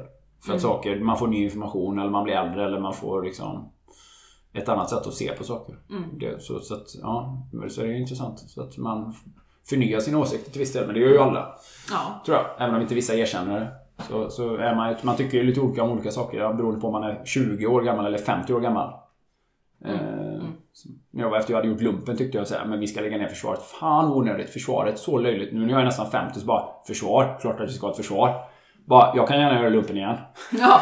Men det är så här, typ, alltså, så här, man blir lite konservativ när man blir äldre. Men man bara så här, ja nej men jag kan se nu varför vi ska ha ett försvar. Ja. Eller, jag såg det då med, men jag, kan, jag, jag köper in mig liksom på den här idén. Jag, alltså man, ja, plus att världen har förändrats. Och, alltså det är en annan värld nu, vi ser en annan... Alltså det finns mycket som saker. Hänger man med i de bitarna så inser man också att ens egna åsikter förändras till viss del med, med tiden också. Man blir en annan människa själv. Ja, nu när jag har barn så tycker jag... Ja, och så är det naturligt. Ja. Saker man inte bryr sig om när det inte ankommer på en själv. Mm. Men när man är i den situationen då blir det relevant och intressant och Mm. sådär. Så att, ja men så jag väl alltid... Eh, och jag har ju alltid tyckt det är så jävla konstigt när folk säger bara Ja, det är han. Eller när det ofta framställs som negativt. Ja, som alltså åsiktsmaskin som säger så bara, men folk har ju åsikter i stort. Folk som inte har åsikter om saker. Vad är det för fel på dem? Folk som inte tycker. Men vad, vad tycker du i den här frågan? Vad tror du på? Eller vad? Jag vet inte. Varför vet du inte? Kan du inte? Eller, har du inte satt, eller bryr du dig inte? En deras svar, jättekonstigt. Så folk har ju åsikter hela tiden. Och sen att man säger dem i något sammanhang. Ja, det är han som tycker så mycket. Ja, men du tycker väl också? Det är bara att du har inget forum att tycka. Eller vad du tycker väl om... om jag Ingen skulle podcast. Ja, eller liksom. Men Det får man det... skaffa sig då. Men sen löjlag, det blir så här, han tycker det, vilket ju i sig kan bli en nyhet då. Ja. Så här, Jonas Skotte tycker inte om golf. Eh, Okej, men eh, vem bryr sig om det? För jag menar, skulle jag fråga massa människor vad ni de tycker, massa människor som inte tycker om triathlon, som inte tycker om det, som inte tycker om Carola, som inte tycker, ja, och en sen. Ja, ja. Hur kan det vara nyhet eller hur kan det ens intressera någon? Eller... Eh, ja. Så, här. så att det är ju ofta lite så här att det finns en, det finns liksom en aspekt där det är så här lite demoniserande. Ja, det är han åsikts... Han tycker en massa. Ja, det är väl tur det. För det visar ju att jag inte än så länge i alla fall är lobotomerad. Jag tycker någonting. Ja, precis. Därför att, och då tycker jag utifrån lite förkunskaper och, och då är det en slutsats som jag drar och då har jag liksom så här. Det här är mitt tyckande. Ja, det här är min åsikt i den här frågan. Baserat på den kunskap jag har och min erfarenhet. Eh, och alla andra får tycka vad de vill. Men det- alltså, så att jag kan ju finna det lite underhållande ibland. Eller lite underhållande slash oroande. När, när man betraktar det utifrån Jonas, vi som inte liksom känner dig nära och så, så upplevs du ju som en väldigt stark person, tar Ja. mycket plats. Och vi tycker det är spännande att se alltså, hur vår uppväxt eh, påverkar oss. Kan Mm. du, hur har din uppväxt påverkat dig och gjort dig till den som du är idag? Mm. Ja, jag, tycker, jag tycker inte själv jag tar speciellt mycket plats nu. Alltså jag eh, har, har inget behov av att liksom eh, ta över situationer som inte jag ska styra. Alltså om man leder någonting, typ ett läger eller en tävling, då är man ju in charge. Alltså alla förväntar sig att det här är ju en upplevelse. Alltså här är ju eh, han som levererar tjänsten man är där för. Så att, men i många andra privata situationer så tycker jag att jag är väldigt sådär eh, Ja, eller i andra sammanhang liksom, så upplever inte jag att jag tar plats faktiskt. Och Jag tror att många andra tycker också, säger också liksom, att jag är hyfsat ganska nedtonad. Eller naturlig, förhåller mig naturligt till situationen. Men eh, ja, nej, det kan man ju fundera på. Det där skulle man behöva gå i terapi för att reda ut varför man är som man är. Men eh, ja, ja, men jag har tänkt en del på det naturligtvis. Men jag, är ju, jag har ju vuxit upp med en ensamstående mamma och lillebror. Så att någonstans blir det ju tid. Och så plus att jag är född på 70-talet. Vilket innebar att man fick ju tidigt ta eget ansvar för saker. Ja. Inge, Det var ingen som curlade på den Nej, det var inte det. Inte mycket pengar. Eh, inge, var, var ju aldrig bortskämd. Det enda som jag hade som var liksom speciellt i min barndom på det sättet var ju att, min, att jag åkte väldigt tidigt på stora resor. Min pappa bor ju i Kanada, så väldigt tidigt så fick jag liksom åka på långa sommarlovsresor till Kanada och Nordamerika då, vilket ju var exklusivt om man får kalla det på det. Men det var ju lite speciellt. Det var inte så vanligt i alla fall. Så jag fick ju ett andra språk tidigt och så men samtidigt var det ju också mycket så här. Jag har ju förstått nu, alltså nu jag har egna barn. Fan jag har ju ångest att inte jag... Jag har ju ångest, eller inte ångest har jag inte. Men jag kan ju känna så här ett litet styng i hjärtat. Ett litet, jag var inte där i morse när min son vaknade. Och jag, han bara Pappa hemma? Nej men pappa är inte hemma. Pappa har nog gått till jobbet. Får Elin säga då. Eller för att när jag är hemma så ropar han alltid Pappa! Och så får man hämta honom i trappan och så får man kramas och gossa och man bara, men livet blir ju inte bättre än att men jag menar, man kan ju inte alltid vara där för då får man ju sluta jobba. Typ, jag kan inte vara med min son dygnet runt. För att det, livet funkar ju inte så. så att, men jag hade ju mycket sådana uppbrott när jag var liten. Jag menar, vi, åkte ut, vi var ju borta två månader. Så att det kan man förstå både ur ett föräldraperspektiv. Min mamma släppte iväg oss du vet, så länge för att vi skulle få träffa våran pappa. För man åker inte till Kanada på 80-talet. Eller för att vara borta två veckor. Utan det är liksom... Ja, plus att... Ja, för att få vara med våran pappa då som inte var annars med då. Och det är ett år till nästa gång. Men de här uppbrotten, alltså så här, ja men bonda och så ska man bryta upp från honom. Alltså det är ju väldigt, förstår man ju ur både föräldrar och barnperspektiv ganska faktiskt traumatiserande. Så att det har ju klart påverkat eh, lite grann och så men sen Ja men jag var ju jätteduktig i skolan när jag var liten. Så eh, hade jag väl lätt, lätt för de här, ja men på den nivån där man inte behövde riktigt anstränga sig för jag hade mycket allmänbildning och lätt att lära och alltså sådana här, de här grunda kunskaperna liksom. Vad heter sjöarna i Afrika? Ja men sådana saker. Det, det satte sig väldigt snabbt på mig. Jag var väldigt ambitiös. Jag kunde ju göra hela OÄ-boken hemma över helgen. Min lärare blev galen. Bara, varför ska du... Ja, vad tror du? Ja, men OÄ hette ju orienteringsämne. Ja, ja, oh, Ja, du vet ju såhär, du skulle fylla i bergen i Afrika, länderna. Och jag älskar, jag kunde ju sitta en hel lördag och göra klart det. Min lärare bara... okej. Det här är vad vi skulle gjort under hösten nu liksom.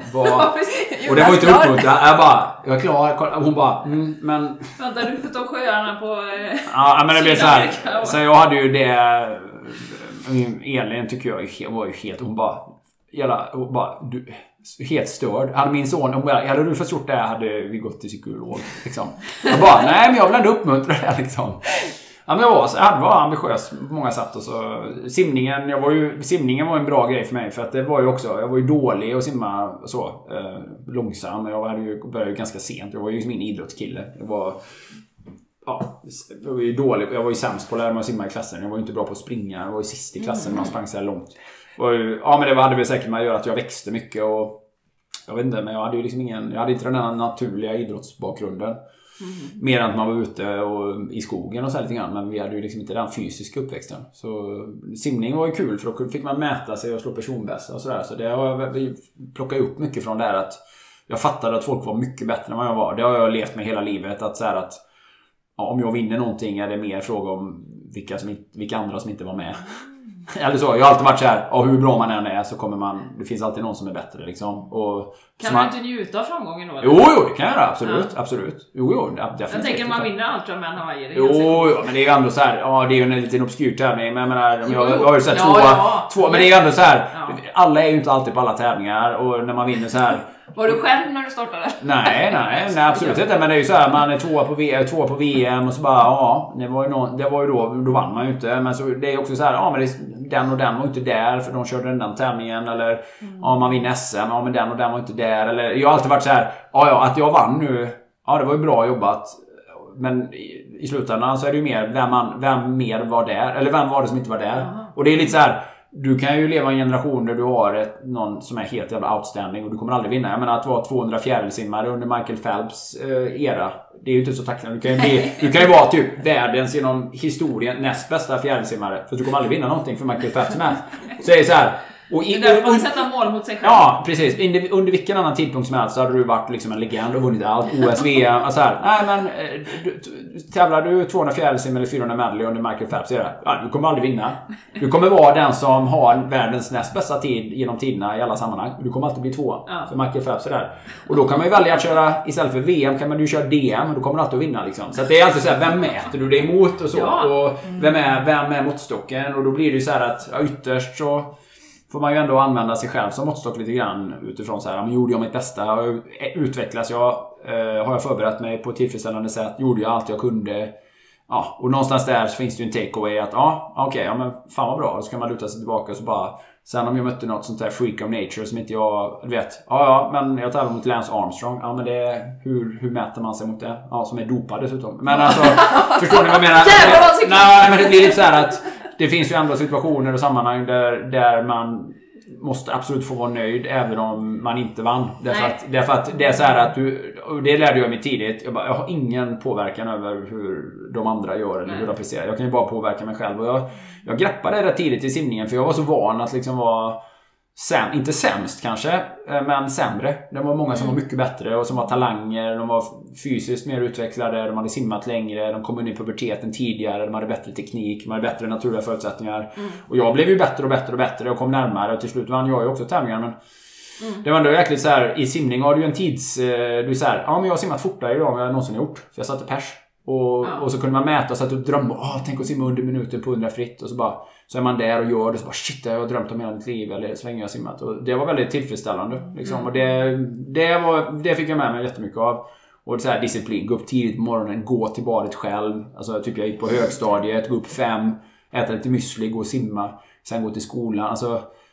Det var ju så okurlat som det bara tänkas kunde liksom. Allting kom ju från min egen drivkraft. Min mamma var ju, hon visste ju inget. Hon bara, ja, var det, eller gick det bra? Ja, det gick jättebra. Eller, Ja. du vet, det Ja. var, det blev min rutin. Eller jag gjorde det. Men jag var och simmade lite innan skolan, många dagar, flera dagar i veckan. Simma efter skolan. Bara, Mm. Aldrig någon som körde mig, eller någon som hämtade mig. Ingen som egentligen tittade på mig. Eller, jag brydde ju mig själv och det räckte ju liksom. Mm. Så att eh, det var, där fick jag ju med mig mycket tror jag tidigt och Sen hamnar man ju lite i identitetskriser längs vägen. Så man bara Gymnasiet bara oj vad alla andra är duktiga också. Oj vad det här kanske inte var rätt utbildning för mig. Eller oj vad vad är, det, vad, är, vad är det jag ska göra? Ska jag simma? Ska jag gå i skolan? Eller vad ska jag... Mm. Ja, men alltså, man har ju många, många sådana stadier och perioder i sitt liv sen. Så, Absolut. Så man hamnar, på, hamnar in på slump och tillfällighet och sådär. Man, eh, ja. Börjar med triathlon, det var ju också slump och Ja, tillfällighet. hur kom du in på det? Det var faktiskt en av mina frågor. här. Ja. Jag hade ju en kompis som, ja, men hade en kompis som höll på som heter Pasi Salonen som var duktig. Han var Sveriges bästa triatlet på den tiden då. eh, Tidigt slutet av 80-talet. Och det är klart, då var sporten väldigt liten Ja. och väldigt ny då. Men Pasi var ju duktig. Han hade ju talang och så här. Han kanske inte var väl inte den som utnyttjade eller fullföljde sin talang mest då. Men han var väldigt ambitiös under några år där och simmade mycket med oss. Med, så han simtränade med min grupp liksom. Jaha. Ja. Så, och man tyckte ju Passi var superstjärna. Han var ju med i tidningen och gjorde coola grejer och liksom... Du vet, man tyckte triathlon var helt outstanding. Man fattade, man fattade ju inte... Åh, helt otroligt vad triathlon. Det är ju... går inte att greppa hur hårt det är. Nej men så sprang vi lite grann, sprang några pass ihop och så jag var ju långdistanssimmare så jag var ju van att träna och vid det här laget hade jag utvecklat en bra fysik. Men jag var 17 år. Så. Jag tänkte så här. Och så fattade jag ju då att nej, men jag kommer aldrig bli jättebra på simma. Jag, kommer bli, jag är okej på att simma men de som är jätte, jättebra på simma. Typ. Då är det ju Lars Frölander och liknande då i min åldersklass då. De har, ja, men de har vissa naturliga förutsättningar som inte jag har. I hur de är byggda och rörlighet och du vet, helt lelösa axlar och knän som kan vikas bakåt. Och, ja, men de har hävstänger och liksom, ja, men de har en annan medfödd fysiologi som man liksom inte kan träna sig till. Eller en fysionomi snarare.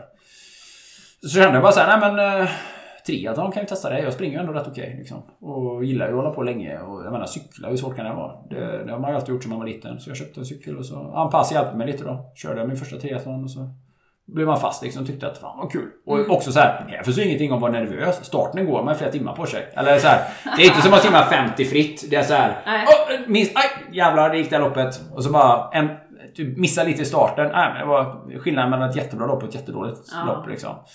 Ja. Och ingen, ingen upplevelse tala om. Utan här var ju så här, åh simma i en sjö, åh cykla på en ny väg, åh springa, shit vad Och så var det ju alltid det här wow-känslan. Wow vad coolt! Wow vad häftigt! Och man blev snabbt mycket bättre och så. så det var lite grann, det blev liksom en identitet tidigt då även om jag var ju jätte, jätte dålig om man jämför med men jag, tog rätt så stora steg första året utifrån mitt perspektiv. Jag blev ändå ganska bra på att springa. Alltså, när jag tittar på vad, vilka tider jag gjorde så här. Hur snabbt jag blev ändå bra på att springa. Relativt. Jag menar, jag gjorde 1.16 på halvmaran redan som 19-åring. Oj. Eh, 1.17 på Göteborgsvarvet som 19-åring. Samtidigt som jag simmade 1500 fritt på 17 minuter blankt. Jag bara, hade någon annan 19-åring gjort det idag så hade jag bara så här: shit vilken talang liksom. Eller vilken, vilken potential den här personen har. Cykla är det lättaste som finns att lära sig om man bara får... Alltså det är en väldigt mekanisk, enkel... Det är mer att göra timmarna och att förstå. Alltså medan löpning och simning det är, är mycket svårare idrotter. Så att eh, jag, gjorde, jag blev hyfsat bra ganska tidigt. Men sen så hade jag ingen bra guidning där under några år. Då, för vi hade inget bra förbund. Det fanns liksom inga tränare, inga coacher, inget så här. Vi hade, inte ens, vi hade inte ens ett eget förbund. Vi, hade, vi, hade, vi var under Svenska Militäridrottsförbundet. Det fanns liksom ingenting. Det fanns inga böcker om triathlonträning. Det fanns liksom ingen, ingen styrning. Det fanns ingen tradition. Utan de som kunde något var ju de som själva höll på. De experimenterade ju också liksom. Eh, Så att jag menar, det var några år där då idrotts, jag gjorde lumpen, idrottsbeton, plugga lite halvhjärta så här, Men slarva bort några år där. Eh, Men det var ju ändå en del i utveckling. Så det var ju så här, två steg, ett steg, två steg fram, ett steg bak under en period. Men sen var det typ ett steg fram, två steg bak. Innan liksom jag rätade ut mig själv där och, ja, men, eh, från 96 och framåt och hittade min Found my stride som man säger. I vad jag skulle göra och så, ja men lärde mig mycket under de åren också i, i det stora hela. Så att, ja, och sen så någonstans Även i triathlon. Folk var jätte, jätteduktiga tyckte jag. Och jag menar, mina första, jun- första internationella mästerskap, junior-EM, junior-VM, var ju så jävla långt efter. Så att, vet, man var ju en kvart efter på ett två timmars lopp. Eh, och det är ju människor som sen blev typ världens bästa triatleter, eller som var proffs. Alltså vi hade ju så här, ja. Och det är ju skillnad mellan att vara jag tappar ju säkert 10 minuter bara på cykeln och det är mycket material och sittställning och jag cykeltränar ju knappt ju. Jag cykeltränar ju på sommaren liksom. Eh, Så att man fattar, jag fattar ju också att det är klart inte det var så superbra resultat. Men sen så på bara några år så kom, man, kom jag väldigt, väldigt mycket närmare och kände att oj vad... Ja, vad, vad, vad mycket bättre Ja, eller vilka stora steg jag tar framåt. Så att det är ju så man, så jobbar jag, hade ju, jag var ju min egen tränare hela tiden. Jag hade mycket bollplank och sådär, men ytterst bestämde jag ju själv. Det, alltså de som i, idag i triathlon, triathlon är en, en olympisk idrott. Alltså det finns otroligt mycket tränare, förbund, styrning, det finns riksidrottsgymnasium. Alltså det är en helt annan nivå. Vi var ju själva. Jag var ju helt själv liksom. Det var på eget bevåg. Allting, jag lärde mig allting. Sponsorer, vet. Hur gör man med det? Kommunikation, alltså. Och det var ju före liksom internet. Jag gjorde ju sådana här sponsorfolder. hade kompisar som jag på reklambyrå och tog fram. Det var mycket så här, Det var ju analoga grejer. Det var ju klipp och klistra, dela ut, göra sponsortavlor. Pengar, ja pengarna fick gå till föreningen så fick man ta ut det mot kvitto. Alltså det var rena stenåldern på mycket. Innan så här, Alltså, kan, man, kan man göra det i eget företag? Vad betyder det? Vad gör man då? Ja. Vad är det man säljer? Hur funkar fakturering? Alltså, det här var en helt annan väg. Det är ingen som lär ut det. Jag fattade ingenting om det. Så jag gick på starta eget-kurs och då ja, konceptifierade där. Och, och då blev ju allting också mycket bättre. För då blev det så här, shit, det här är mitt jobb på riktigt, på riktigt nu. Så här, alltså, här har vi ett utbyte av, alltså här har vi ett faktura, etablerar vi ett fakturaförhållande här liksom. Mm. Så det var mycket med den ja, jag var ju med under de åren då väldigt mycket av detta. Så här, I hur man marknadsför sig, sociala medier, blogg, eh, hemsidor, allt detta. Liksom, det var under mina mm. Ja, framgångsrika år man kallar det för. Liksom. Så att, ja, men det var väldigt spännande och väldigt, eh, väldigt värdefullt. Och så här. Jag tittar ju med glädje på hur de gör nu. De här Ja men många av de är, de är världens bästa triatleter idag. De har så jävla mycket supportsystem och de har ju tagit mycket av det som, så att säga, om den generationen av triatleter som jag är, tillhör och det som vi, många av oss då som tränade oss själva. Vi tog in mycket input, vi läste mycket, vi experimenterade mycket. Vi använde mycket den informationen som fanns då. Det var ju mycket pulsmätning. Man kunde ju ändå göra blodprover och man gjorde fystester och sådär. Så har man tagit den kunskapen och så har man pratat mycket med andra och sen har man fortsatt efteråt då och blivit tränare. Mm. Mm. Eller och fortsatt att träna själv framförallt, men också att vara tränare för andra. Och så har man tagit in då den nya teknologin med allt du kan mäta. Du kan ju, idag kan du mäta otroligt mycket mer på daglig basis med allt från laktat till eh, sån här HRV med hjärtat. Du kan mäta eh, av kroppens återhämtning. Du har mycket mer avancerade sofistikerade pulsmätare. Eh, du kan mäta blodglukos och alltså, du, alltså du kan effektmätning på cykel. Det finns så många fler, bättre mätmetoder. Så man tagit den gamla kunskapen och parat den med den nya tekniken. Och då blir ju naturligtvis kunskapsnivån mm. så, här, så man tar då Norge som har blivit ett sånt otroligt land i triathlon. Så otroligt framgångsrika triatleter. Otroligt duktigt landslag med, de vann ju OS-guld. Christian Blumenfeldt, OS triathlon och så vann ju VM på halv Ironman och ja, men så här, bara dominerar verkligen eh, triathlonvärlden på det stora hela, på de stora grejerna. Det är för att han jobbar med så otroligt mycket grundläggande kunskap och mätning som så att säga min generation av triatleter någonstans har varit med och skapat. Den, den mallen kan man väl säga. Så att, men jag kan ju ändå känna så här, fan vad roligt det hade varit med och göra det på det sättet. Mm. Vad tacksamt det är och vad tydligt livet hade varit eller träningen hade varit. Medan vi famlar ju mycket mer i mörkret. Det var ju en gissningslek. Det var ju... Alltså det var mycket känsla, intuition. Det var väldigt mycket så här, ah, ska jag cykla idag? Ska jag springa idag? Hur hårt, hur långt? Mm. Vad, vad känns rätt? Alltså det blev ju inte jätteeffektivt alla gånger. Och själv, vet, själv mycket också. Allting, allting ensam nästan. Ja, men det är väldigt inspirerande att höra om dina drivkrafter. Mm. Jonas, det jag funderar på nu, vi har faktiskt inte skrivit den frågan, men den kom, kom nu. Alltså när du kör, det är ju ganska utmanande, tävlingarna och så, fysiskt utmanande. Mm. Hur går dina tankar under en tävling? Men alltså på den tiden var det mycket, det var ju tävling, tävling. Då vill man ju prestera och göra bra. Då handlade det mycket om att reagera mot motståndet. Och, ja, man hade ju den drivkraften i sig. Liksom att, eh, men det är ju som, du kan ju fråga vilken idrottsman som helst. Inte alltså, du har ju ett visst fysiskt obehag naturligtvis. Mm. Det är då, en långdistans triathlon är ju jätte... Ja, det är ju extremt tufft helt enkelt. Så att, men man jobbar ju nu, du jobbar med olika åtgärder med alltså att, ehm, alltså, man tänker på vad man ska göra hela tiden. Vart går banan? Hur, ska, hur hårt ska jag köra? Vad ska jag äta? Vad ska jag dricka? Alltså man är ju inne i att göra, göra uppgiften så bra det går. Man reagerar mot motståndet så att då är man ju väldigt fokuserad på uppgiften helt enkelt. Och man lär ju sig hantera obehaget. Det lär man ju sig hantera i träning. Alltså att vara trött eller att vara ja, ansträngd. Ja, det lär man ju sig hantera. Alltså man lär ju sig att läsa sina signaler i kroppen. Så lär man ju sig att bortse från dem eller att ja, man, man är motiverad och driven. Så. Men kom det inga sådana negativa jo, tankar? Jo. Att du tänker fan nu skiter jag i det här. Ja, och hur alltid, hanterar du alltid. det då? Det gör man ju. Det gör, man ju, det gör ju alla. Det är ja, men hur gör du? Hur, gör du? Nej, hur gjorde du då för att bryta det? Nej, men man, det är ju ett sätt att veta att man har en out. Typ så här att ja, men så här ont kan man inte ha. Så här jobbigt, plågsamt får inte livet vara. Och så tänker man att ja, nej, men eh, det kanske inte är min dag. Jag kanske ska bryta. Jag kanske ska... Mm, så här. Och oftast så hänger man i och så vänder ju det naturligt. Liksom. Alltså, det finns ju alltid sådana bottennapp. Eller det finns ju alltid sådana lågpunkter på alla tävlingar. Mm. Eh, Och det är klart, har du gjort några sådana då så vet du sen när du kommer till nästa Ja, men någonstans är det ju så att det är ju Det där, det är ju det där är. det, går, det är så det är. Det här är ju, Ja. det är ju så ett, triathlon är ju hårt liksom. Men Du har en triathlon så, du har alltid delar loppet som man vet av erfarenhet kommer vara jättehårda, jättejobbiga och utmanande. Precis så här, man kör en Ironman man, ska, man har växlat från cykel till löpning. Ja, men det kommer ju aldrig kännas jättebra de första kilometerna att springa. Men då vet man också av erfarenhet att första fem kilometerna kanske är de värsta av allt på hela löpningen. Så att det är ju hela tiden så man, ja, man, man lägger det bakom sig och så ser man så här, ja, ja men jag, jag har ju redan nu kommit, nu har jag ju bara så långt kvar, nu har jag bara så långt kvar. Nu har alltså så här, det här har jag gjort på träning, det har jag gjort.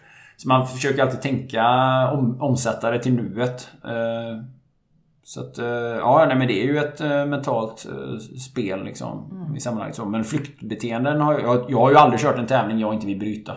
Nej, det är intressant. Aldrig. Jag har ju aldrig, jag har ju aldrig kört en tävling som inte jag så här bara, nej jag tror jag stannar med. Tjejmilen.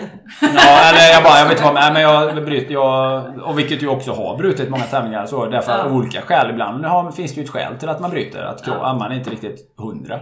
Nej. Eller det kanske finns ett Nej, det gick så dåligt. Jag vill inte, det är inte värt priset att ta sig i mål här för jag kommer bli för sliten. Jag, jag packar ihop nu så jag kan köra en tävling nästa helg istället. Eller det finns, det finns ju många skäl till att man som elitidrottare väljer att säga att nej men det var inte min dag. Eh, Eller Nej. Eh, någonting kan ha hänt eller ja, det kan vara kroppen eller man kan vara skadad eller borderline sjuk eller ja, det finns många, eller ja, det reagerar inte normalt. Det, det känns inte bra. Eller ja, vad det nu är. Det kan finnas mycket så som... eh, Men nu för tiden, nu är jag mest, när jag kör event nu, när jag kör ÖTÖ med Petter, då är det ju verkligen så här bara, ja, fan vad kul att få vara med. Eller vilken tacksamhet. Vilken så här, och då är det ju med, ja, det är jättejobbigt och ja, jag kan inte vänta tills att vi är i mål, men ändå att man uppskattar det mycket mer. Eller, ja, jag uppskattar det då också. Men då är det ju verkligen mer så här. Man är mindre nöjd om man inte vinner. Mer, mer nöjd om man vinner. Nu är man bara så här, ja, jag är bara skitglad att vara med. Och Ja. vad härligt att få gå i mål. Jag bara hoppas att jag håller ihop. Och att inte någonting går sönder där nu innan vi är framme. Någon, vad det nu är. Någon muskel eller vad som helst. Eh, ja men swimrun är ju lite annorlunda för där är man, där är man två personer. Medan triathlon är man ju helt ensam i sitt eget huvud liksom. Så, så att, eh, Ja, ja nej men det, det, är hård, det är en jättehård idrott. Men så är ju alla, så är ju alla idrotter. Liksom. Så, träningen är ju väldigt hård också. Beroende på om man ska bli duktig i det. Liksom. Det är mycket fysisk ansträngning. Så, men, Och mycket mindset. Och det känns ju som att du ändå du har kört på genom livet.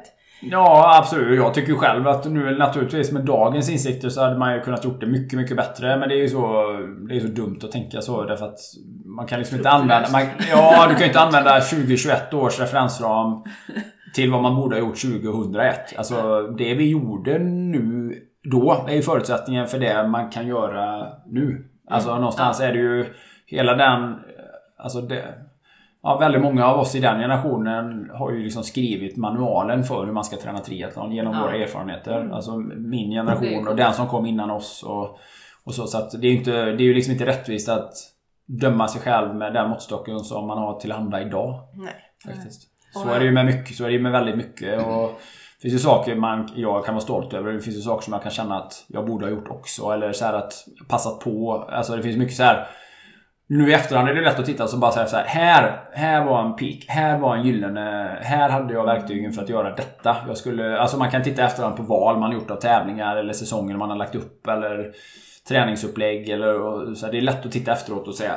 Här hade jag en jävla peak liksom. Här skulle Ja. jag gjort... eh, Här hade det varit smart att köra... Att använda den kvaliteten till det, till det eller något sånt.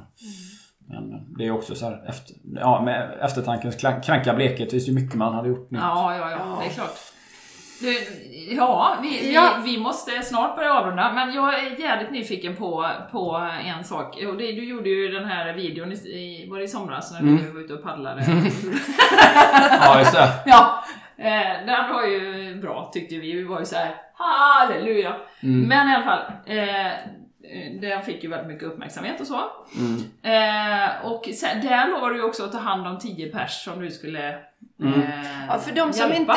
inte, de som inte känner till den, kan du ge en liten kort bakgrund till den här videon? Ja, Men det var ju den här vaccinkampanjen då och det är ju hela den frågan har blivit mer och mer infekterad som det liksom var aktuellt då. Men det var ju det här kavla upp. Liksom. Vaccin eh, som att Ja, vi ska vaccinera oss och nu ska vi sluta oss samman och vi ska eh, här, godhetssignalera och vi ska Det här är räddningen och lösningen och så vidare då. Och jag kände liksom att man satsade pengar, folk gick in och företag satsade pengar på den här kampanjen och eh, ja, kändisarna engagerade sig. Jag bara, ja, ja det är jättebra att det finns ett vaccin, tycker jag, för de som vill ta det då.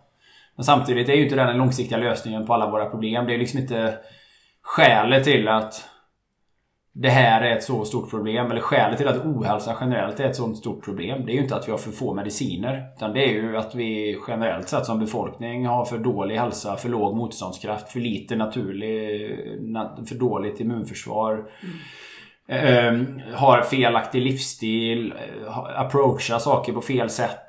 Uh, omger oss med rädsla och så vidare. Och att det var det jag liksom motsatte mig. Och att om vi nu ska kavla upp för någonting så kan vi väl kavla upp. Om vi nu ska investera pengar i någonting så kan vi väl för fan investera i våran svenska infrastruktur när det gäller motion och rörelse. Vi kan väl eh, lägga pengar på att informera människor om att äta bättre och träna bättre. Mm. Eller liksom skapa träningsprogram i utanförskapsområden. Och så vidare och så vidare och så vidare. Alltså... Ja, det var ju lite grann det min... Är det så här, Tycker vi att problemet med diabetes typ 2 är att vi inte har tillräckligt bra mediciner? När, när problemet i själva verket är att sjukdomen ens finns. Alltså när det i grund och botten är en livsstilssjukdom. Är, är problemet med övervikt hos barn att vi har för få operationstillfällen för gastric bypass? Eller är det, eller är själva grundproblemet att små barn blir feta? Små barn som ska vara slanka blir feta. Är inte det själva grundproblemet? Så det blir lite grann så här, åh jag har ont i min kropp. Ja, det måste vara Voltarenbrist. Mm. Uh, nej, det är ju helt sinnessjukt att tänka sig. Så det blir lite så här, ja. vad är problemet i våran värld? Nej, vi har för få mediciner. Vi har för lite mediciner. Vi har för lite vaccin. Nej, det är nog inte det det är faktiskt. Det är nog ett annat problem, ett mycket större problem. Det är bra, så här, det är bra att mediciner finns. Och jag säger ingenting om det och jag är inte ens, jag är, inte, jag är absolut inte negativt, negativt inställd till det. Men är det det vi ska lägga det samhälleliga fokuset på? Är det det vi ska signalera? Typ så här, åh jag har gjort min insats. Mm.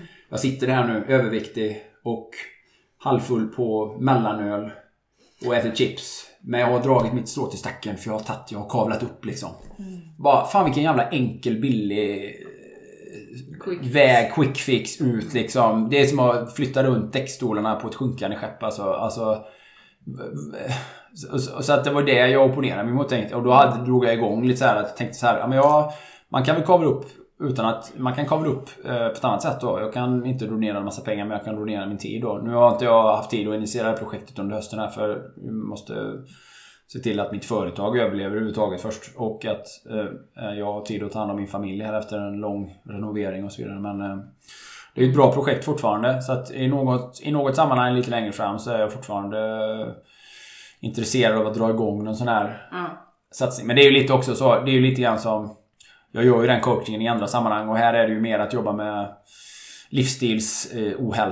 Mm. Och, och, och, ja. Samtidigt är det så här, det är så, det är så otroligt enkelt tycker jag. Det är så självklara grejer och jag är, alltid, jag är lite rädd för att man söker sig till det här för att man ska få en sån här... Ja, någon som kan motivera mig. Men det är, jag, jag jobbar ju inte så. Jag kan inte motivera dig, det får du göra själv. Jag kan ge dig verktyg och nycklar och så. Jag kan inte vara din motor. Om inte du fattar själv att du behöver gå ner i vikt så kan inte jag hjälpa dig. Mm. Men om du vill veta hur du ska göra och, och, så här, och veta hur, hur, ska jag, hur ska jag ta mig an träning liksom. Hur ska jag tänka? Ja, då är jag rätt person. Mm. Jag tycker inte vara den som kommer med piskan och ska piska på en död häst. Det är inte min roll. Och säga snälla, snälla, du kan väl. Mm. Jag, är inte, jag är inte som Dr. Now på My 600 pound life. Liksom. Eller jag är då, men alltså jag... Vad är det för något? Nej, jätte, jättebra. Jättesjuk dokusåpa. Eller Dr. Now. Han är i och för sig ganska hård mot sina patienter. Men det är så här groteskt överviktiga människor som ska gå ner i vikt. Och de tänker bara så här, får jag bara operation? Han gör ju gastric bypass då. Men han måste, då måste gå ner i vikt och så först. Men det är så här, nästan ingen fattar att så här. Folk tror så här, ah, men det är något fel på min kropp. Det är magen. Bara, det är något fel på ditt beteende. Och till och med när de tror att de gör rätt så är det bara det här är så hopplöst. Alltså, men folk är så, alltså, det är som man bara... Vad är det för fel på folk? Men, men tror du att det jag tänker quick fix-samhället som vi ändå, du vet vi läser rubrikerna på Facebook och vi mm. läser liksom bara, vi läser inte ens liksom tre meningar ner utan bara Åh! Mm. Helskotta! Nu kommer tredje sprutan! Yes! Äntligen! Nu kan tre, är vi inne på fjärde nu snart? Ja, jag vet inte, jag vet inte. Men, nej. jo men eh, Endless är det ju. Så att det kan vi ju konstatera att ja. Eh, de som har köpt in på det paradigmet kommer ju få fortsätta och... och vi har en spruta om dagen sen, en i veckan. Ja, nej, men precis. Nej, men, eh, och det, det finns tydligen, är det Pfizer som tar fram tabletter också som ja, du kan ta varje dag? Mm. Då kan man ta det varje dag. Mm. Det, det, är det, som, det som jag har sagt i den här cirkusen att Ja men börja då med att ta fyra Alvedon, Ja. ifall du får huvudvärk. Ja, ja. Man vet aldrig. Nej, nej, vet. Nej men och då tänker jag att det här, vi, alla, vi har ju hamnat i det här samhället att alla vill ju lösa det bara direkt utan att göra någonting. Mm. Quick fix. Och det är därför det blir så tacksamt när det kommer olika injektioner då som eh, vi då får propaganderat att det här löser ju allting och dessutom tar du ansvar och dessutom så. Eh, och då tänker jag det, det är ju en väldigt bra grund det här quick fix-samhället som vi har hamnat i. Att jag behöver inte göra någonting. Nej, utan jag, nu- bara gör, jag bara tar det. Fast nu jobbar man ju på mycket... Nu har man ju så att säga... Nu appellerar man ju till mycket mer djupt liggande känslor hos människor. Exempelvis rädsla. Mm. Rädsla och skam. Att vara skämmas för om man inte vaccinerat sig. Eller eh, grupptryck. Eh, också, eller faktiskt också ren... Eh, alltså rena utstötnings, eller utstötningsmekanismer. Typ. Mm. De som inte vaccinerar sig kommer inte att få vara med på det här och göra detta. Och inte vara välkomna hit. Och inte få gå på restaurang eller vara en del av gruppen eller vara en del av communityn. Så man, man, det är ju mer än bara en quick fix också. Utan Mm. det är ju, Mm. det är ju indirekta det är ju indirekta liksom hot. Eller det är ju en, det är ju en renodlad skrämseltaktik. Mm. Eh, tycker jag. Eh, plus att bara det faktum att det knappt ens går att diskutera frågan Nej. gör ju f- är offentligt då. Alltså Mm. i, om exempelvis sin egen social kanal så eh, blir du liksom eh, märkt på något Mm. sätt. Eh, eller du kan bli bort, in, inlägg kan bli borttagna eller censurerade. Ditt konto kan bli skuggat eller till och med borttaget beroende Ja. på hur Mm. proaktiv du är i din diskussion liksom. Så att, eh, och det är ju väldigt, eh, det är väldigt oroväckande. Och Ja. jag kan ju tycka själv liksom att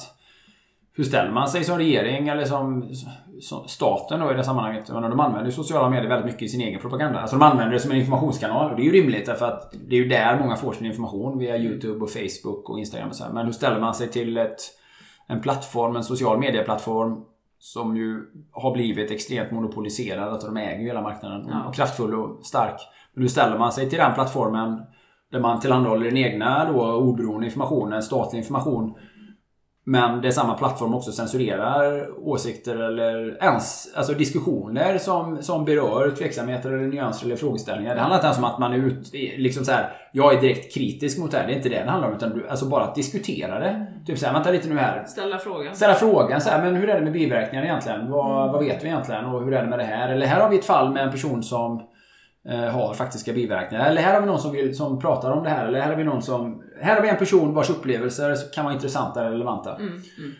Det är ju superkänsligt. Mm. Och det finns ju väldigt mycket kring det då som, som landar i väldigt ja, allvarliga hur, frågeställningar. hur, hur känns det, eller liksom, hur har du hanterat För du har, har du fått mycket negativa eh, liksom, reaktioner på, på när du har pratat? Eller hur, hur liksom, Nej, men vi har ju, jag har ju inte orkat driva den debatten. Nej. Men sen det är i juni där som eh, jag blev helt demoniskt stigmatiserad av Borås Tidning. Vilket jag var så här: okej, jag är en privatperson som tycker någonting. Jag är ändå relativt ja, liten i sammanhanget. Men jag menar, jag är, ju- jag är ju världskänd för många boråsare. Men jag är ju ändå tämligen... Plus att det jag, det jag sa var ju väldigt så... Det var ju extremt nyanserat. Jag har ju tittat på det många gånger. Jag, bara, men jag säger ju uttalat, jag är inte emot vaccin. Jag, låt oss, jag vill lyfta frågan till det här. Mm. Eh, och ifrågasätta så. Och, eh, men det är ju hennes, i hennes tolkning då. Plus att jag kanske har ett ho- horn i sidan till dem från början då. Men jag menar... Ja, men man får ett slagläge på mig och så tar man den chansen då. Men jag blev ju ganska illa berörd av det faktiskt då. För att jag kände... Det är ju ingen som tycker om att bli påhoppad. Och framförallt inte för någonting som man liksom inte kan... Jag bara, men det här är inte vad jag har sagt. Det här är ju nog... Ni mål, svartmålar ju mig och ger en bild av mig som inte är sann. Ni ger ju en bild av mig, för de flesta kommer ju inte titta på den här videon och orka lyssna på Nej. 14 minuter när jag sitter och jag upp och pratar. ja. Mm. Och, de, och många är inte ens intresserade. Utan många är ju så här, de, det är svart, nej, totalt svart eller vit fråga. Du måste ta vaccinet annars är du en dålig människa. Fan är det för fel på dig? Ta, är så här, de orkar inte tänka längre än dit näsan räcker. Och för, dem är det så här, ja, för att de är ju själva i riskgruppen och jag menar, de bara, ja men klart man tar vaccinet liksom. Mm. Men jag vill ju lyfta frågan till, ja, till konsekvenserna, de filosofiska konsekvenserna. Demokratiska. Ja, men alltså alla de här.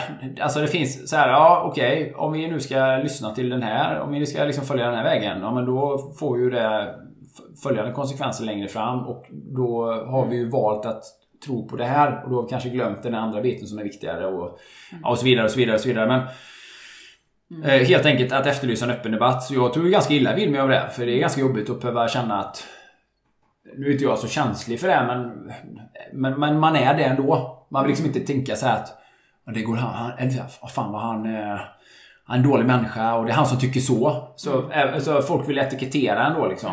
Mm. Mm. Så att jag tyckte det var... Ja men jag bemötte det ju på ett bra sätt men jag ändå kände så att det tar så mycket energi. Det tar mycket kraft och det tar fokus från det jag vill jobba med. Alltså det är inte min... Jag vill inte fastna i det facket. Åh, han är anti-waxer. Bara, hallå, det är jag inte alls. Det är absolut inte det jag har sagt. Det är inte, det, det är inte den frågan jag har drivit. Sen vad jag väljer att göra, det är ju en helt annan sak. Jag, menar, jag kan ju säga så här. Jag är nykterist. Men det betyder ju inte att jag inte tycker andra får dricka alkohol. Eller så här, jag röker inte. Jag tycker inte det ska finnas kanske ett tobaksförbud. Jag är fritt framför det. Eller så här, man kan ju argumentera om legalisering av marijuana, cannabis. Det betyder inte att jag ska röka. Nej. Det är ju mer en filosofisk demokrati. Nej, men i ljuset av det vi vet så är det lika rimligt, minst lika rimligt att släppa det fritt som att alkohol ska finnas. Och lägga, ja, men du vet, det finns mycket argument kring saker. Mm. Ta in fördelarna, ta in nackdelarna, pros and cons. Diskutera och konsekvenserna av det jämfört med andra saker. Det finns, finns alltid intressanta aspekter att diskutera. Så att så här, Eh, jag kanske inte har lust att vaccinera mig. Det betyder inte att jag är emot för alla. Jag tycker det är jättebra att min mamma vaccinerat sig. Mm. Så, mm. För det kanske hon behöver. Men jag menar, jag, jag har massa anledningar till att jag inte vill vaccinera mig. Eh, av olika skäl. Eller kan tycka att man, man kan få välja. Eller tycka att det finns ifrågasättande eller tveksamheter. Ingen kan absolut med fog säga att man vet långsiktiga konsekvenser och effekter. Det är ju bara ren lögn. Det, det är flera år in i framtiden. Mm. Och sådär. Och så, så här, men vänta lite nu här. Alla de som hade vaccinations... Nej men det ska mörkas och skuggas. Och mm. människor som som driver de här frågorna och som är helt fullt fungerande som kommer in och säger så här, vänta lite nu här, jag är ju lite eh, mountainbikecyklist och så mm. Mitt hjärta slår så konstigt. Nej, det är för att du har tränat för hårt. Men jag, det, jag reagerar, jag blir jättetrött, jag cyklar två Ja men det är normalt vet du, för någon i din ålder. Det är normalt. Mm. Jag bara, men inte för mig. Nu, vi får ändå jämföra med referens. Ja men alltså det blir så här att ja. den här det här, det här eh, klappa, klappa människor på huvudet som att de är mindre vetande, mm. mindre bemedlade, mindre förstående, inte respektera människors unika individuella situation. Liksom. Mm. Jag har ju läst en hel del, eller lyssnat en hel del på liksom det här, ja men ett, ett vaccin. Det, det ska ju liksom trigga ett immunförsvars, en, en, ett immun, en immunrespons. Och det är ju liksom, ja det är ju rimligt. Och att många människor har ja, ett halvbra fungerande immunförsvar. Mm. Och att väldigt många av de som får biverkningar är de som har ett väldigt väl fungerande immunförsvar. Och det är därför, och vilket gör att immunförsvaret överreagerar mm. på någonting väldigt märkligt i kroppen. Ja. Vilket är skälet kanske till då att många yngre män, elitidrottare på olika platser har fått liksom, där man ser att det är ett problem med hjärtmuskelinflammation och så vidare. Mm. Därför att de har, deras immunförsvar är så jävla liksom, on point. Liksom. Ja, men det finns ju mycket man kan diskutera runt och så men... Eh, ja, vi har ju, jag har ju sagt det till Niklas. Fan, vi kanske ska göra ett sånt här... vaccinationspass avsnitt. Men så ändå landar man i så här att... Ja, det... Vilken svår fråga att diskutera. Eller egentligen inte, men vad det är, det tar över så mycket. Och det finns mm. ju direkt folk som vill sätta en i facket av mm. att vara ja, dåliga människor eller man är uppviglare, du är populist, du är opportunist, du är eh, anti-waxer, du är foliehatt. Och ja, det är ju ett, också ett sånt här sätt att eh, avplattformera eller, eller slå undan benen eller mm. att, eh, eller att eh, av, nästan avhumanisera motståndare. Jag bara mm. säger men du måste ju lyssna på det jag säger. Du mm. måste ju bemöta. Konspirationsteorier ja, är också liksom. väldigt bra man kastar på människor som bara, ja, men jag ställer en bara, fråga. Ja, jag ställer en fråga. Jag vill ifrågasätta ja, det är ju det, det, det är sjukt. Det, hela, hela grunden till allting och all vetenskap det är ju liksom att ifrågasätta liksom konspirations, ja. konspirationsteorier. Det, det, är ju, det är ju en konspirationsteori att det inte skulle finnas några konspirationer. Vad är en konspiration? Vadå, att, att folk finns en, så här, Varför pratar man inte om de e extremt stora ekonomiska incitamenten från Big Pharma att göra detta? Mm. Varför pratar man inte om det finns ju ingen bransch som har dömts till så hårda böter, till så stränga straff som som läkemedelsbranschen. Nu är det så här, åh, de är, det är också så här, och de är våra kompisar. De är snälla. Vad fan är det för fel på folk som tänker ja, så? Ja. De är snälla, de, de, är vänliga, de vill oss väl. Mm. De, de, de, de är absolut inte intresserade av att tjäna pengar. Nej. De, de stackarna har fått jobba dygnet runt med att ta fram det här vaccinet. Stack, ja. ja. men alltså, det blir lite så här. Ja, men låt oss nu vara lite klarsynta, klartänkta och leva i den riktiga världen. Då måste vi så här, vi måste, det finns ju ändå så här eh, säljer man diabetes typ 2-medicin. Då är ju drömpatienten är ju någon som är sjuk men som håller sig vid liv under de närmaste 40 åren. Ja, ja. Men att folk ska bli friska från diabetes typ 2, det ligger ju inte i Big Pharmas intresse. Nej, nej. Nej, nej, Det är klart det inte gör. Absolut inte. Vi tipsar ju ibland Det om ligger den ju inte i deras intresse. Så att jag menar, åh, nej men de är snälla, de, de vill bara att världen ska vara frisk. Eh, eller inte. Nej, För de tjänar ju Eller sjukt mycket. halvsjuk. Eller så här, åh, de som säljer statiner, de, de, de vill bara att folk ska ha friska hjärtan och må bra. Nej, de vill ha patienter som är sjuka, som blir beroende av deras medicin. Fan är det för fel på det som inte fattar det? Alltså det blir sån här, man bara... Vi brukar tipsa om den här boken Dödliga mediciner och organiserad brottslighet av Peter Götze. Eh, och där beskriver han ju allt, alla, alla de här brotten som de här stora Big Pharma-företagen gör. Och de kan göra så att, okej, i det här landet, nu släpper vi en medicin här, så ser vi att oj jädra vilka biverkningar. Då flyttar vi den till kanske ett utvecklingsland istället. Så de har inga skrupler. Det handlar inte om människors bästa och människors hälsa. Sen på individnivå... Nej men det är business, det är ju ja, business, liksom. Och säger så här, ja men vad glada vi är att det finns bra mediciner. För om jag blir sjuk i någonting så blir jag mediciner. Så jag menar, jag är inte, alltså det, är- det är inte så här, åh jag är kategoriskt negativ till, till dem. Det är jag inte. Men de har ju en agenda. De, har- deras business ligger ju att tjäna pengar. Alltså, be- mediciner är ju jättebra om man behöver dem. Eh, och sjukvård är ju jättebra om man behöver dem. Om jag råkar ut för en bilolycka nu så vill jag ju kunna bli körd till ett sjukhus med duktiga Precis. läkare. Det tror fan det. Ja, men om jag, men om jag, när jag, men när jag har misskött min egen hälsa under många år och slarvat, ätit fel, inte rört på mig. Så är det ju inte, det är nog inte en medicin jag behöver. Jag behöver en spark i röven och någon som talar om för mig, nu får du fan rycka upp dig. Sluta ät skräp, gå ut och promenera, ta hand om dig själv. Alltså det blir så här, alltså, så det blir, men jag tycker att många fattar inte skillnaden och fattar inte nyanserna. Utan antingen är du 100% för och bejakar och får inte ifrågasätta. Nej. Eller så är du 100% emot och då är man ju på nivån konspira riktig konspirationsteoretiker Ja. eller foliehatt. Jag tror ju inte att det har suttit tio makthavare någonstans och konstruerat det här. Jag tror inte att det är så här, åh, det finns en, finns en masterplan här någonstans att vi ska utarma, vi ska, nu ska vi tjäna 100 miljarder dollar här på genom att eh, fejka upp en sjukdom och skapa ett virus och så ska vi sälja mediciner till dem. Det tror jag inte alls på. Jag tror bara att företag tar möjligheten till att tjäna pengar. Jag tror bara att det spelar många i händerna. Jag tror bara att vi ska vara försiktiga och kritiska. Jag tror att vi ska ställa frågor. Jag tror att vi kan kräva svar. Jag tror att vi kan ha en öppen debatt. Jag tror att någon annans åsikt är inte farlig för mig. Om någon annan tycker annorlunda så bara, ja intressant. Jag vill gärna läsa, jag vill gärna se på YouTube någon som gör en film om att jorden är platt. Det förhindrar inte min uppfattning om att jorden är rund. Men jag tycker att de måste få finnas där. Lika mycket som jag hoppas att alla, som jag vill att alla politiska riktningar ska höra. Jag vill gärna att både nynazister och vad det nu än är ska få saluföra sina åsikter. För då kan jag bemöta deras dumheter med mycket bättre argument och visa hur otroligt dumma deras åsikter är. Eller hur genomskinliga de är. Alltså, jag tror, alltså så här, de får inte säga det de säger det är farligt, det är dumt, det är dåligt. Ja, det är dåligt. Fast det bästa sättet att bemöta dåliga argument är med bättre argument. För det får dem att framstå som ännu dummare. Så att, men nu stänger vi bara dörren för mycket Ja, diskussioner. Och nu, precis. och nu säger vi så här, du är dålig som ens vi diskuterar det. Fy på dig! Ja. Fy, fy på dig! Fy, lyd och sitt ner! Sitt Ja, ner i ja, båten. Ja, exakt. Och det blir eh, den typen av eh, eh, ja, stigmatisering, demonisering, avhumanisering eller deplattformering som det är. Och det är ju en allvarlig grej liksom. Jag menar, ja, jag behöver ju tjäna pengar för att kunna försörja min familj. Ja. Ja, ja alltså är du med? Det blir så här. Ja, det finns ju en viss gräns hur man kan driva de här frågorna och jag kan ju känna, bli väldigt upprörd över mig själv många gånger. Att man bara så här. Det här är ju de riktiga frågorna att diskutera. Här har vi ju riktigt angelägna frågor. Jag menar vad... Ja, alltså, alltså, man kan det historiska perspektivet kanske inte blir riktigt relevanta, men någonstans när, när det börjar gå åt helvete i olika totalitära samhällen, så någonstans har ju folk levt sina vanliga liv också och sett vad som händer och man bara känner att ah, ja, eh, det är inte värt och det är för mycket risk här att säga till. Vad det nu än må vara liksom. Vi- Men, eh, vi, Men, men det som jag... Folk säger, vi har ju en öppen samhälle, vi har en öppen. Du får säga och skriva vad du vill. Absolut. I Du, du, kommer, ja, du kommer inte hamna i fängelse för ingen domstol. Men du, du blir ju straffad på andra sätt. Ja, Yes. Du här, sätt. vi kan inte ha någon som föreläsare. Nej. Han är ju besvärlig. Vi vill, Exakt. ha någon som kom, vi vill ha någon som pratar om gråtande cocker Ja. spanielvalpar och Det blir som lite är mysig. och mysigt. Vi vill ha mys, någon som Ja. är mysig och glad. Vi vill inte Ja. ha någon som ställer jobbiga svåra frågor. Vi vill inte ha någon som Nej. någon kan uppfattas och jag är kränkt för att han har en annan uppfattning. Och Nej. vi kan inte ha honom. Vi kan, Nej. alltså det blir så här. Okej, ja. Eh, Ja, nej, det var fan man skulle ha hållit käften liksom. Man skulle ägna sig åt att ta fina bilder på solnedgången på sin Instagram och prata om mysiga grejer och Ja. varit jävligt förutsägbar och svennig och väldigt enkel kommunicera. Alltså typ så här och Ja, ja, världen ska vara svart och vit och demonisera, ställ dig i hejaklacken och demonisera de som är dumma och hylla de som är snälla och mm, verkligen. allt det där. Men, men, men då får man ju också urholka sin egen själ och sitt eget intellekt och sin Yes. egen person och eh, det har jag liksom inte... Ja, så jag kämpar med de frågorna hela tiden. Tycker det är hyfsat komplicerat faktiskt.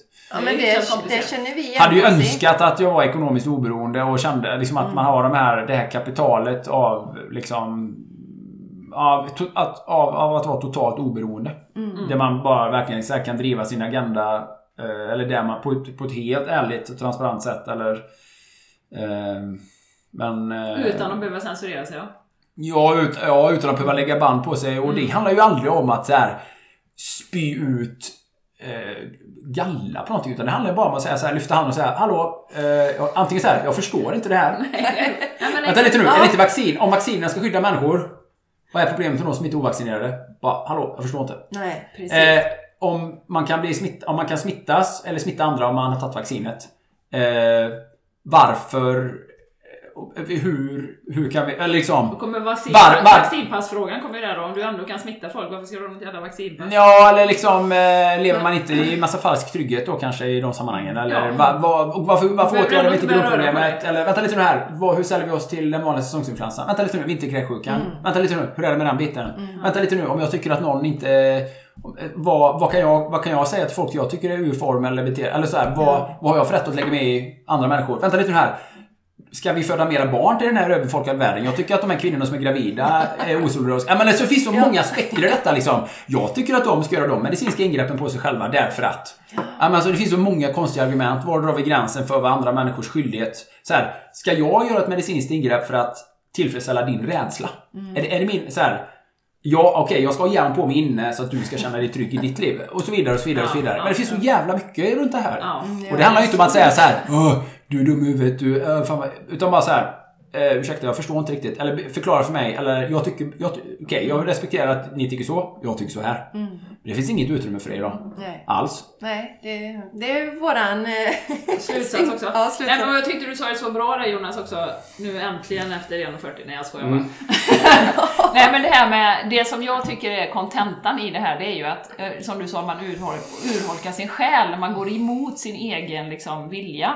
Och tyvärr, varför vi pratar om att bygga sin inre styrka, det är ju för att man ska kunna stå emot. Jag känner jättemånga människor som har fallit för grupptrycket på jobbet och gått emot sin egen sin egen sanning och sin egen vilja egentligen. Och tagit den här injektionen eller vad det nu kan vara. Och där tycker jag vi är farligt ute, när vi har den här propagandan då. Och, och, och folk vågar ju inte, liksom. De vågar inte stå i sin kraft och i sin sanning. Nej. Och jag menar, varför är vi här? Vi är Nej, här för, men, det, vi det är här, det för att klass, leva ja, våra det, liv. men det är klassiska och det typiska. Det här att kunna skilja på person, sak och person. Så här, ja, men I den här sakfrågan och det här man tycker si eller så. Det har ingenting med hur du är som en person eller det reflekterar inte vad du tycker om andra saker eller andra Nej, frågor. nej, liksom. nej. Utan det här är ju så här. Det är precis som Ja, ja, du, till, du tillhör den religionen eller det här är din filosofi eller inställning eller det här är din politik. Men idag, eh, rent politiskt, så är det också blivit ett problem. Liksom så här, åh, du är sverigedemokrat, ja. Jaha, Jimmy Åkesson gillar bananer, men då kan man inte gilla bananer. Ja, men, ja, nej, men man kan ju säga så här, nej, jag sympatiserar absolut inte med deras frågor, men om han säger att han gillar banan så finns ju inte det någonting kan jag ju fortfarande gilla banan. Och, eller så här, ja just i den frågan har de rätt. Eller just det där, ja där delar vi den uppfattningen. Eller att Ja. inte kunna skilja på Nej. liksom. Utan det här, man ska så här Cancel culture. Ja, kan, man ska distansera sig från dem eller man ska liksom visa avståndstagande, man ska signalera sin egen godhet och sin egen... Och det blir så här, för mig blir det så här, det blir så imbecilt. Åh, de tycker det! Då kan inte vi driva de frågorna alls. Nu måste vi blunda för de problemen. Ja. Brott, brott, brott, nej, vad, integration, nej, vi vet inte, nej, det är, det är bara, det är eh, populism. Populism, det är inget riktigt problem. Och så tills att det totalt rämnar och det blir uppenbart för alla, så bara, ah, vi måste ta de här frågorna nu. Så, och nu säger vi det som de sa för fem år sedan och så vidare då liksom. Och det blir så jävla... För mig blir det så någon form av... Det blir så in, intellektuellt ohederligt. Det blir sånt imbecilt beteende. Eh, och det blir så mycket själv... Bedrägeri i det hela också. Och jag, jag personligen har så jävla svårt att leva med det själv. Så att eh, jag tycker de här sista ett och ett halvt åren har varit mycket av en kamp. Jag kan ju känna en sån här liten release när man får prata om det så här eller när man driver någon fråga. Men samtidigt så finns det ju alltid en konsekvens och man blir alltid lite orolig. Åh, vad kommer folk säga nu? Ja. Åh, Borås ledare kommer skriva. Åh, passa ifrån honom, han är farlig. Bara, eh, är jag farlig? Det är ju, det, ni är ju farliga. För ni, ni är ju, ni har ju, ni verkar ju både historielösa och lite dumma i huvudet om man ska vara helt ärlig. Alltså så här. Eh, så här, eh, åsiktsmaskin Jonas Kolting. Ja, ja, alla har ju inte förmånen att få sitta överbetalda, som överbetalda ledarskribenter eh, på, på en dagstidning. På Sveriges mest mediokra liksom, eh, lokaltidning. Nej, alla har inte den. Snacka om att tycka till. Eh, åsiktsmaskinen var ledare. Den kan ju också vara. Formulera med hundra gånger bättre dessutom. Så att det blir lite så här. Beroende på vilken plattform man har och vilket sammanhang så kan man slå tillbaka olika hårt. Och det blir man alltid, är man alltid orolig för när man höjer eh, rösten lite. Och det Som vi har gjort här nu. Ja, ja, vi tycker ju det är ganska allvarligt. Vi kände så här, vi kunde prata länge till med Jonas. Ja. Så himla spännande. Vi behöver avrunda. Ja. ja. Och om man nu känner Jonas, wow, jag vill ha mer av Jonas. Var hittar man dig då? Nej, men man kan ju lyssna på våran podd som kommer i princip varje vecka på Koltings nakna sanning. Sen så eh, skriver jag ju hyfsat mycket på mitt eh, Instagram då. Som också är, alla mina kanaler heter bara mitt namn, Jonas Kolting. Eh, så att även om jag tenderar att numera lägga ut ganska mycket bilder på mina barn och sådär. och det blir lite så här också, ja. Det finns ju en fördel med att vara bred men det finns ju också en nackdel ur ett igenkänningsperspektiv. Man bara, vad, håller han, vad, är- vad gör Är han familjekille eller är han träningskille eller är han matkille eller är han samhällskille eller vad är han för någon typ av kille? Ja, nej, han är en vanlig kille helt enkelt som har många olika intressen. vara i en box som Ja, nej, man ska boxa in liksom. Ja, han håller bara på med löpning. Det är det han skriver om. Nej men, eh, så att, nej, men jag finns på diverse sociala medier. Facebook och Instagram. Och eh, min Du blir podd. lagom censurerad där också. Ja, ja, precis. Men man orkar ju bara på... Det alltså, det är- en det är så liten covid-ruta under när du skriver Ja, något. ja, men det är ju... Men det har blivit ett jobb. Jag har ju så mycket mindre tid idag än jag hade förut tycker jag. Nu, det är ju är ju underbart att ha barn men... Eh, Som vi sa, det där, man skulle kunna vara med sina barn hela tiden och man får ju värdera sin tid och...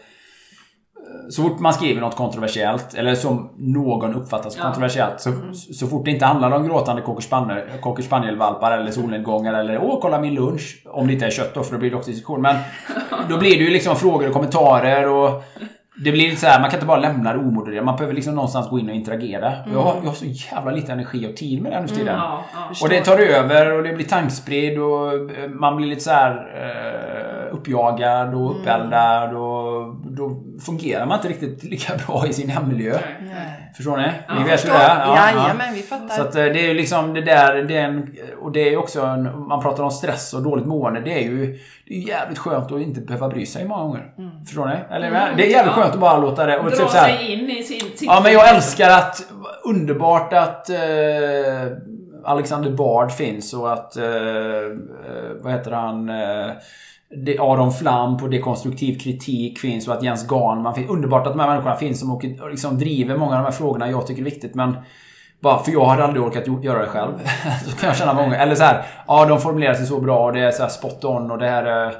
Men många gånger så känner man att eh, vad mycket energi det hade tagit om man hade gjort det själv och eh, så. Så att... Eh, Men viktigt att veta också. Jag Podden det- försöker vi ändå hålla för det är, det- där är det lätt. Det, det är det också. Det finns en, en högre toleransnivå på vad man säger i tal och vad man pratar om och så här. Men jag har väl mycket så här nu de senaste åren, när vi pratar om mina böcker, kan jag känna ett styng av dåligt samvete. Jag har inte skrivit någonting om värde sedan eh, 2013. Eller jag har inte liksom sammanfattat någonting och jag vet att det är en sån otroligt utvecklande process. Så jag har ju ganska många föreläsningar som jag hade velat omsätta i bokform. Så att det är ett projekt jag har. Jag har två stycken sådana här bokprojekt som jag skulle vilja göra. Spännande. Ja, men det är ju det är också så här bara när ska man få... När ska man kunna frigöra den tiden som det behövs? Jag, jag vet ju när jag har skrivit böcker att det är så här... Det tar över livet.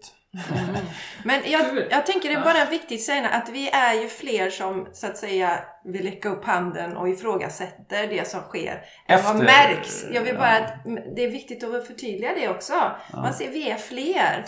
Kanske Eh, inte, inte, inte för att bara... Utan bara för att... att en tillåtande debatt med högt i tak. En tillåtande diskussion. Yes. En tillåtande diskussion med väldigt ärligt ställda frågor. Lite grann så här eh, med väldigt saker som man måste kunna få vända och vrida på och eh, kanske då ifrågasätta naturligtvis. Men inte på ett respektlöst sätt. Utan på, på med någonstans en ärlig avsikt att eh, sk- skaffa sig en bättre grogrund. Vi pratade om lite grann om psykisk ohälsa. Jag tror många mår dåligt idag för att man inte förstår världen riktigt. Man fattar inte riktigt vad det har urartat till och man känner sig hemma. Jag tror många ändå hyfsat normalfungerande människor känner att man hukar sig lite grann i att våga uttrycka sig och vad man vågar prata om och våga, vad man vågar säga på jobbet och arbetsplatsen och fikarasten och med rädsla för att liksom få en stämpel på något sätt. Det tror jag är en dålig grogrund för eh, självkänsla och Ja. Psykisk hälsa och välmående Ja. och, och så vidare. Så att, eh, jag tror att det är dessutom otroligt farligt att etablera en sån kultur för unga människor att man liksom inte vågar säga vad man tycker. Att, att det är så här, det är så lågt i tak att vi kommer svartmåla hela din person om du tycker fel i den här frågan. Det är, det är en jäkligt farlig väg att vandra, tror jag. Jag tycker folk är så väldigt historielösa i sina... I, i, i mycket hur man...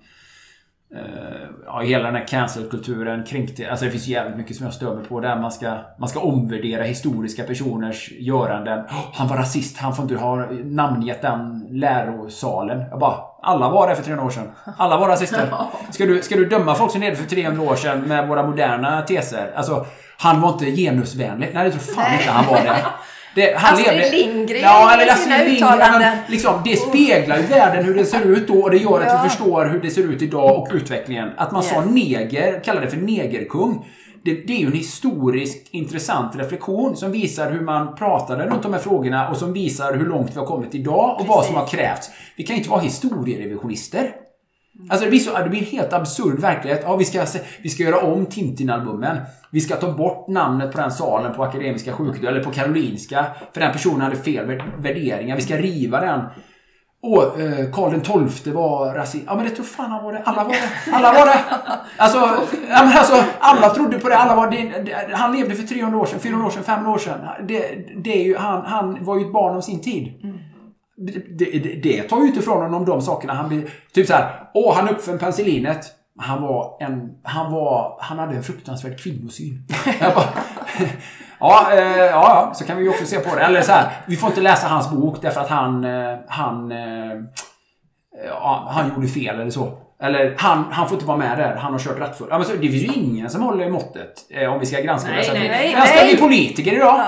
Åh, någon tweetade för 12 år sedan någonting. Eller vänta lite nu. Han togs för eh, rattonykterhet för 23 år sedan. Eller eh, han, eh, han var full i ett offentligt sammanhang. Ja, jag är ledsen, men det finns ju inga oförvitna människor och finns de så är de jävligt ointressanta. Jag vill ha en politiker och människor med makt som har gjort normala saker, normala misstag, som är mänskliga, som har drifter och lustar och tillkortakommanden, men som också har liksom briljanta idéer och högt i tak. Liksom. Sådana människor vill jag ha. Vill inte ha någon eh, som aldrig gjort något fel i hela sitt liv. Nej, han har aldrig rört sig. Då har den personen aldrig någonsin rört sig utanför bekvämlighetszonen. Vare sig fysiskt eller mentalt eller intellektuellt. Men fan, ska han? Ska han ta ett beslut som rör mig? Jag tror inte det. Nej. Nej, men alltså det, det landar i så jäkla mycket när man pratar om det här liksom. Ja, I så, och det, det gör ju jag det. upplever det. Det är så jävla många unga människor som driver den agendan, cancelkulturen. Jag blir kränkt. Nej, det blir du inte kränkt. Du blir bara störd av att någon annan tycker som inte du tycker och att du inte har intellektuell förmåga att argumentera emot det. Han, det är liksom, som fyra han är dum. Varför är han dum då? Han tog min bil. Ja, ta tillbaka den då. Ja, han är starkare än vad jag är. Eller, ja, han är, han är dum. Ja. Jonas, Att man, ja, ja, ni fattar ju, man går igång på det här liksom. du, jag tror vi hann till fråga fyra eller någonting. Ja, ja, det är bra. Av 15. Ja, ja men det är bra. Du får jättegärna komma tillbaka Jonas. Du vet ju var vi bor. Ja, men det var tid. härligt. Det var ju som ett härligt terapisamtal, om inte annat. Ja, det är bra Jonas. Ja.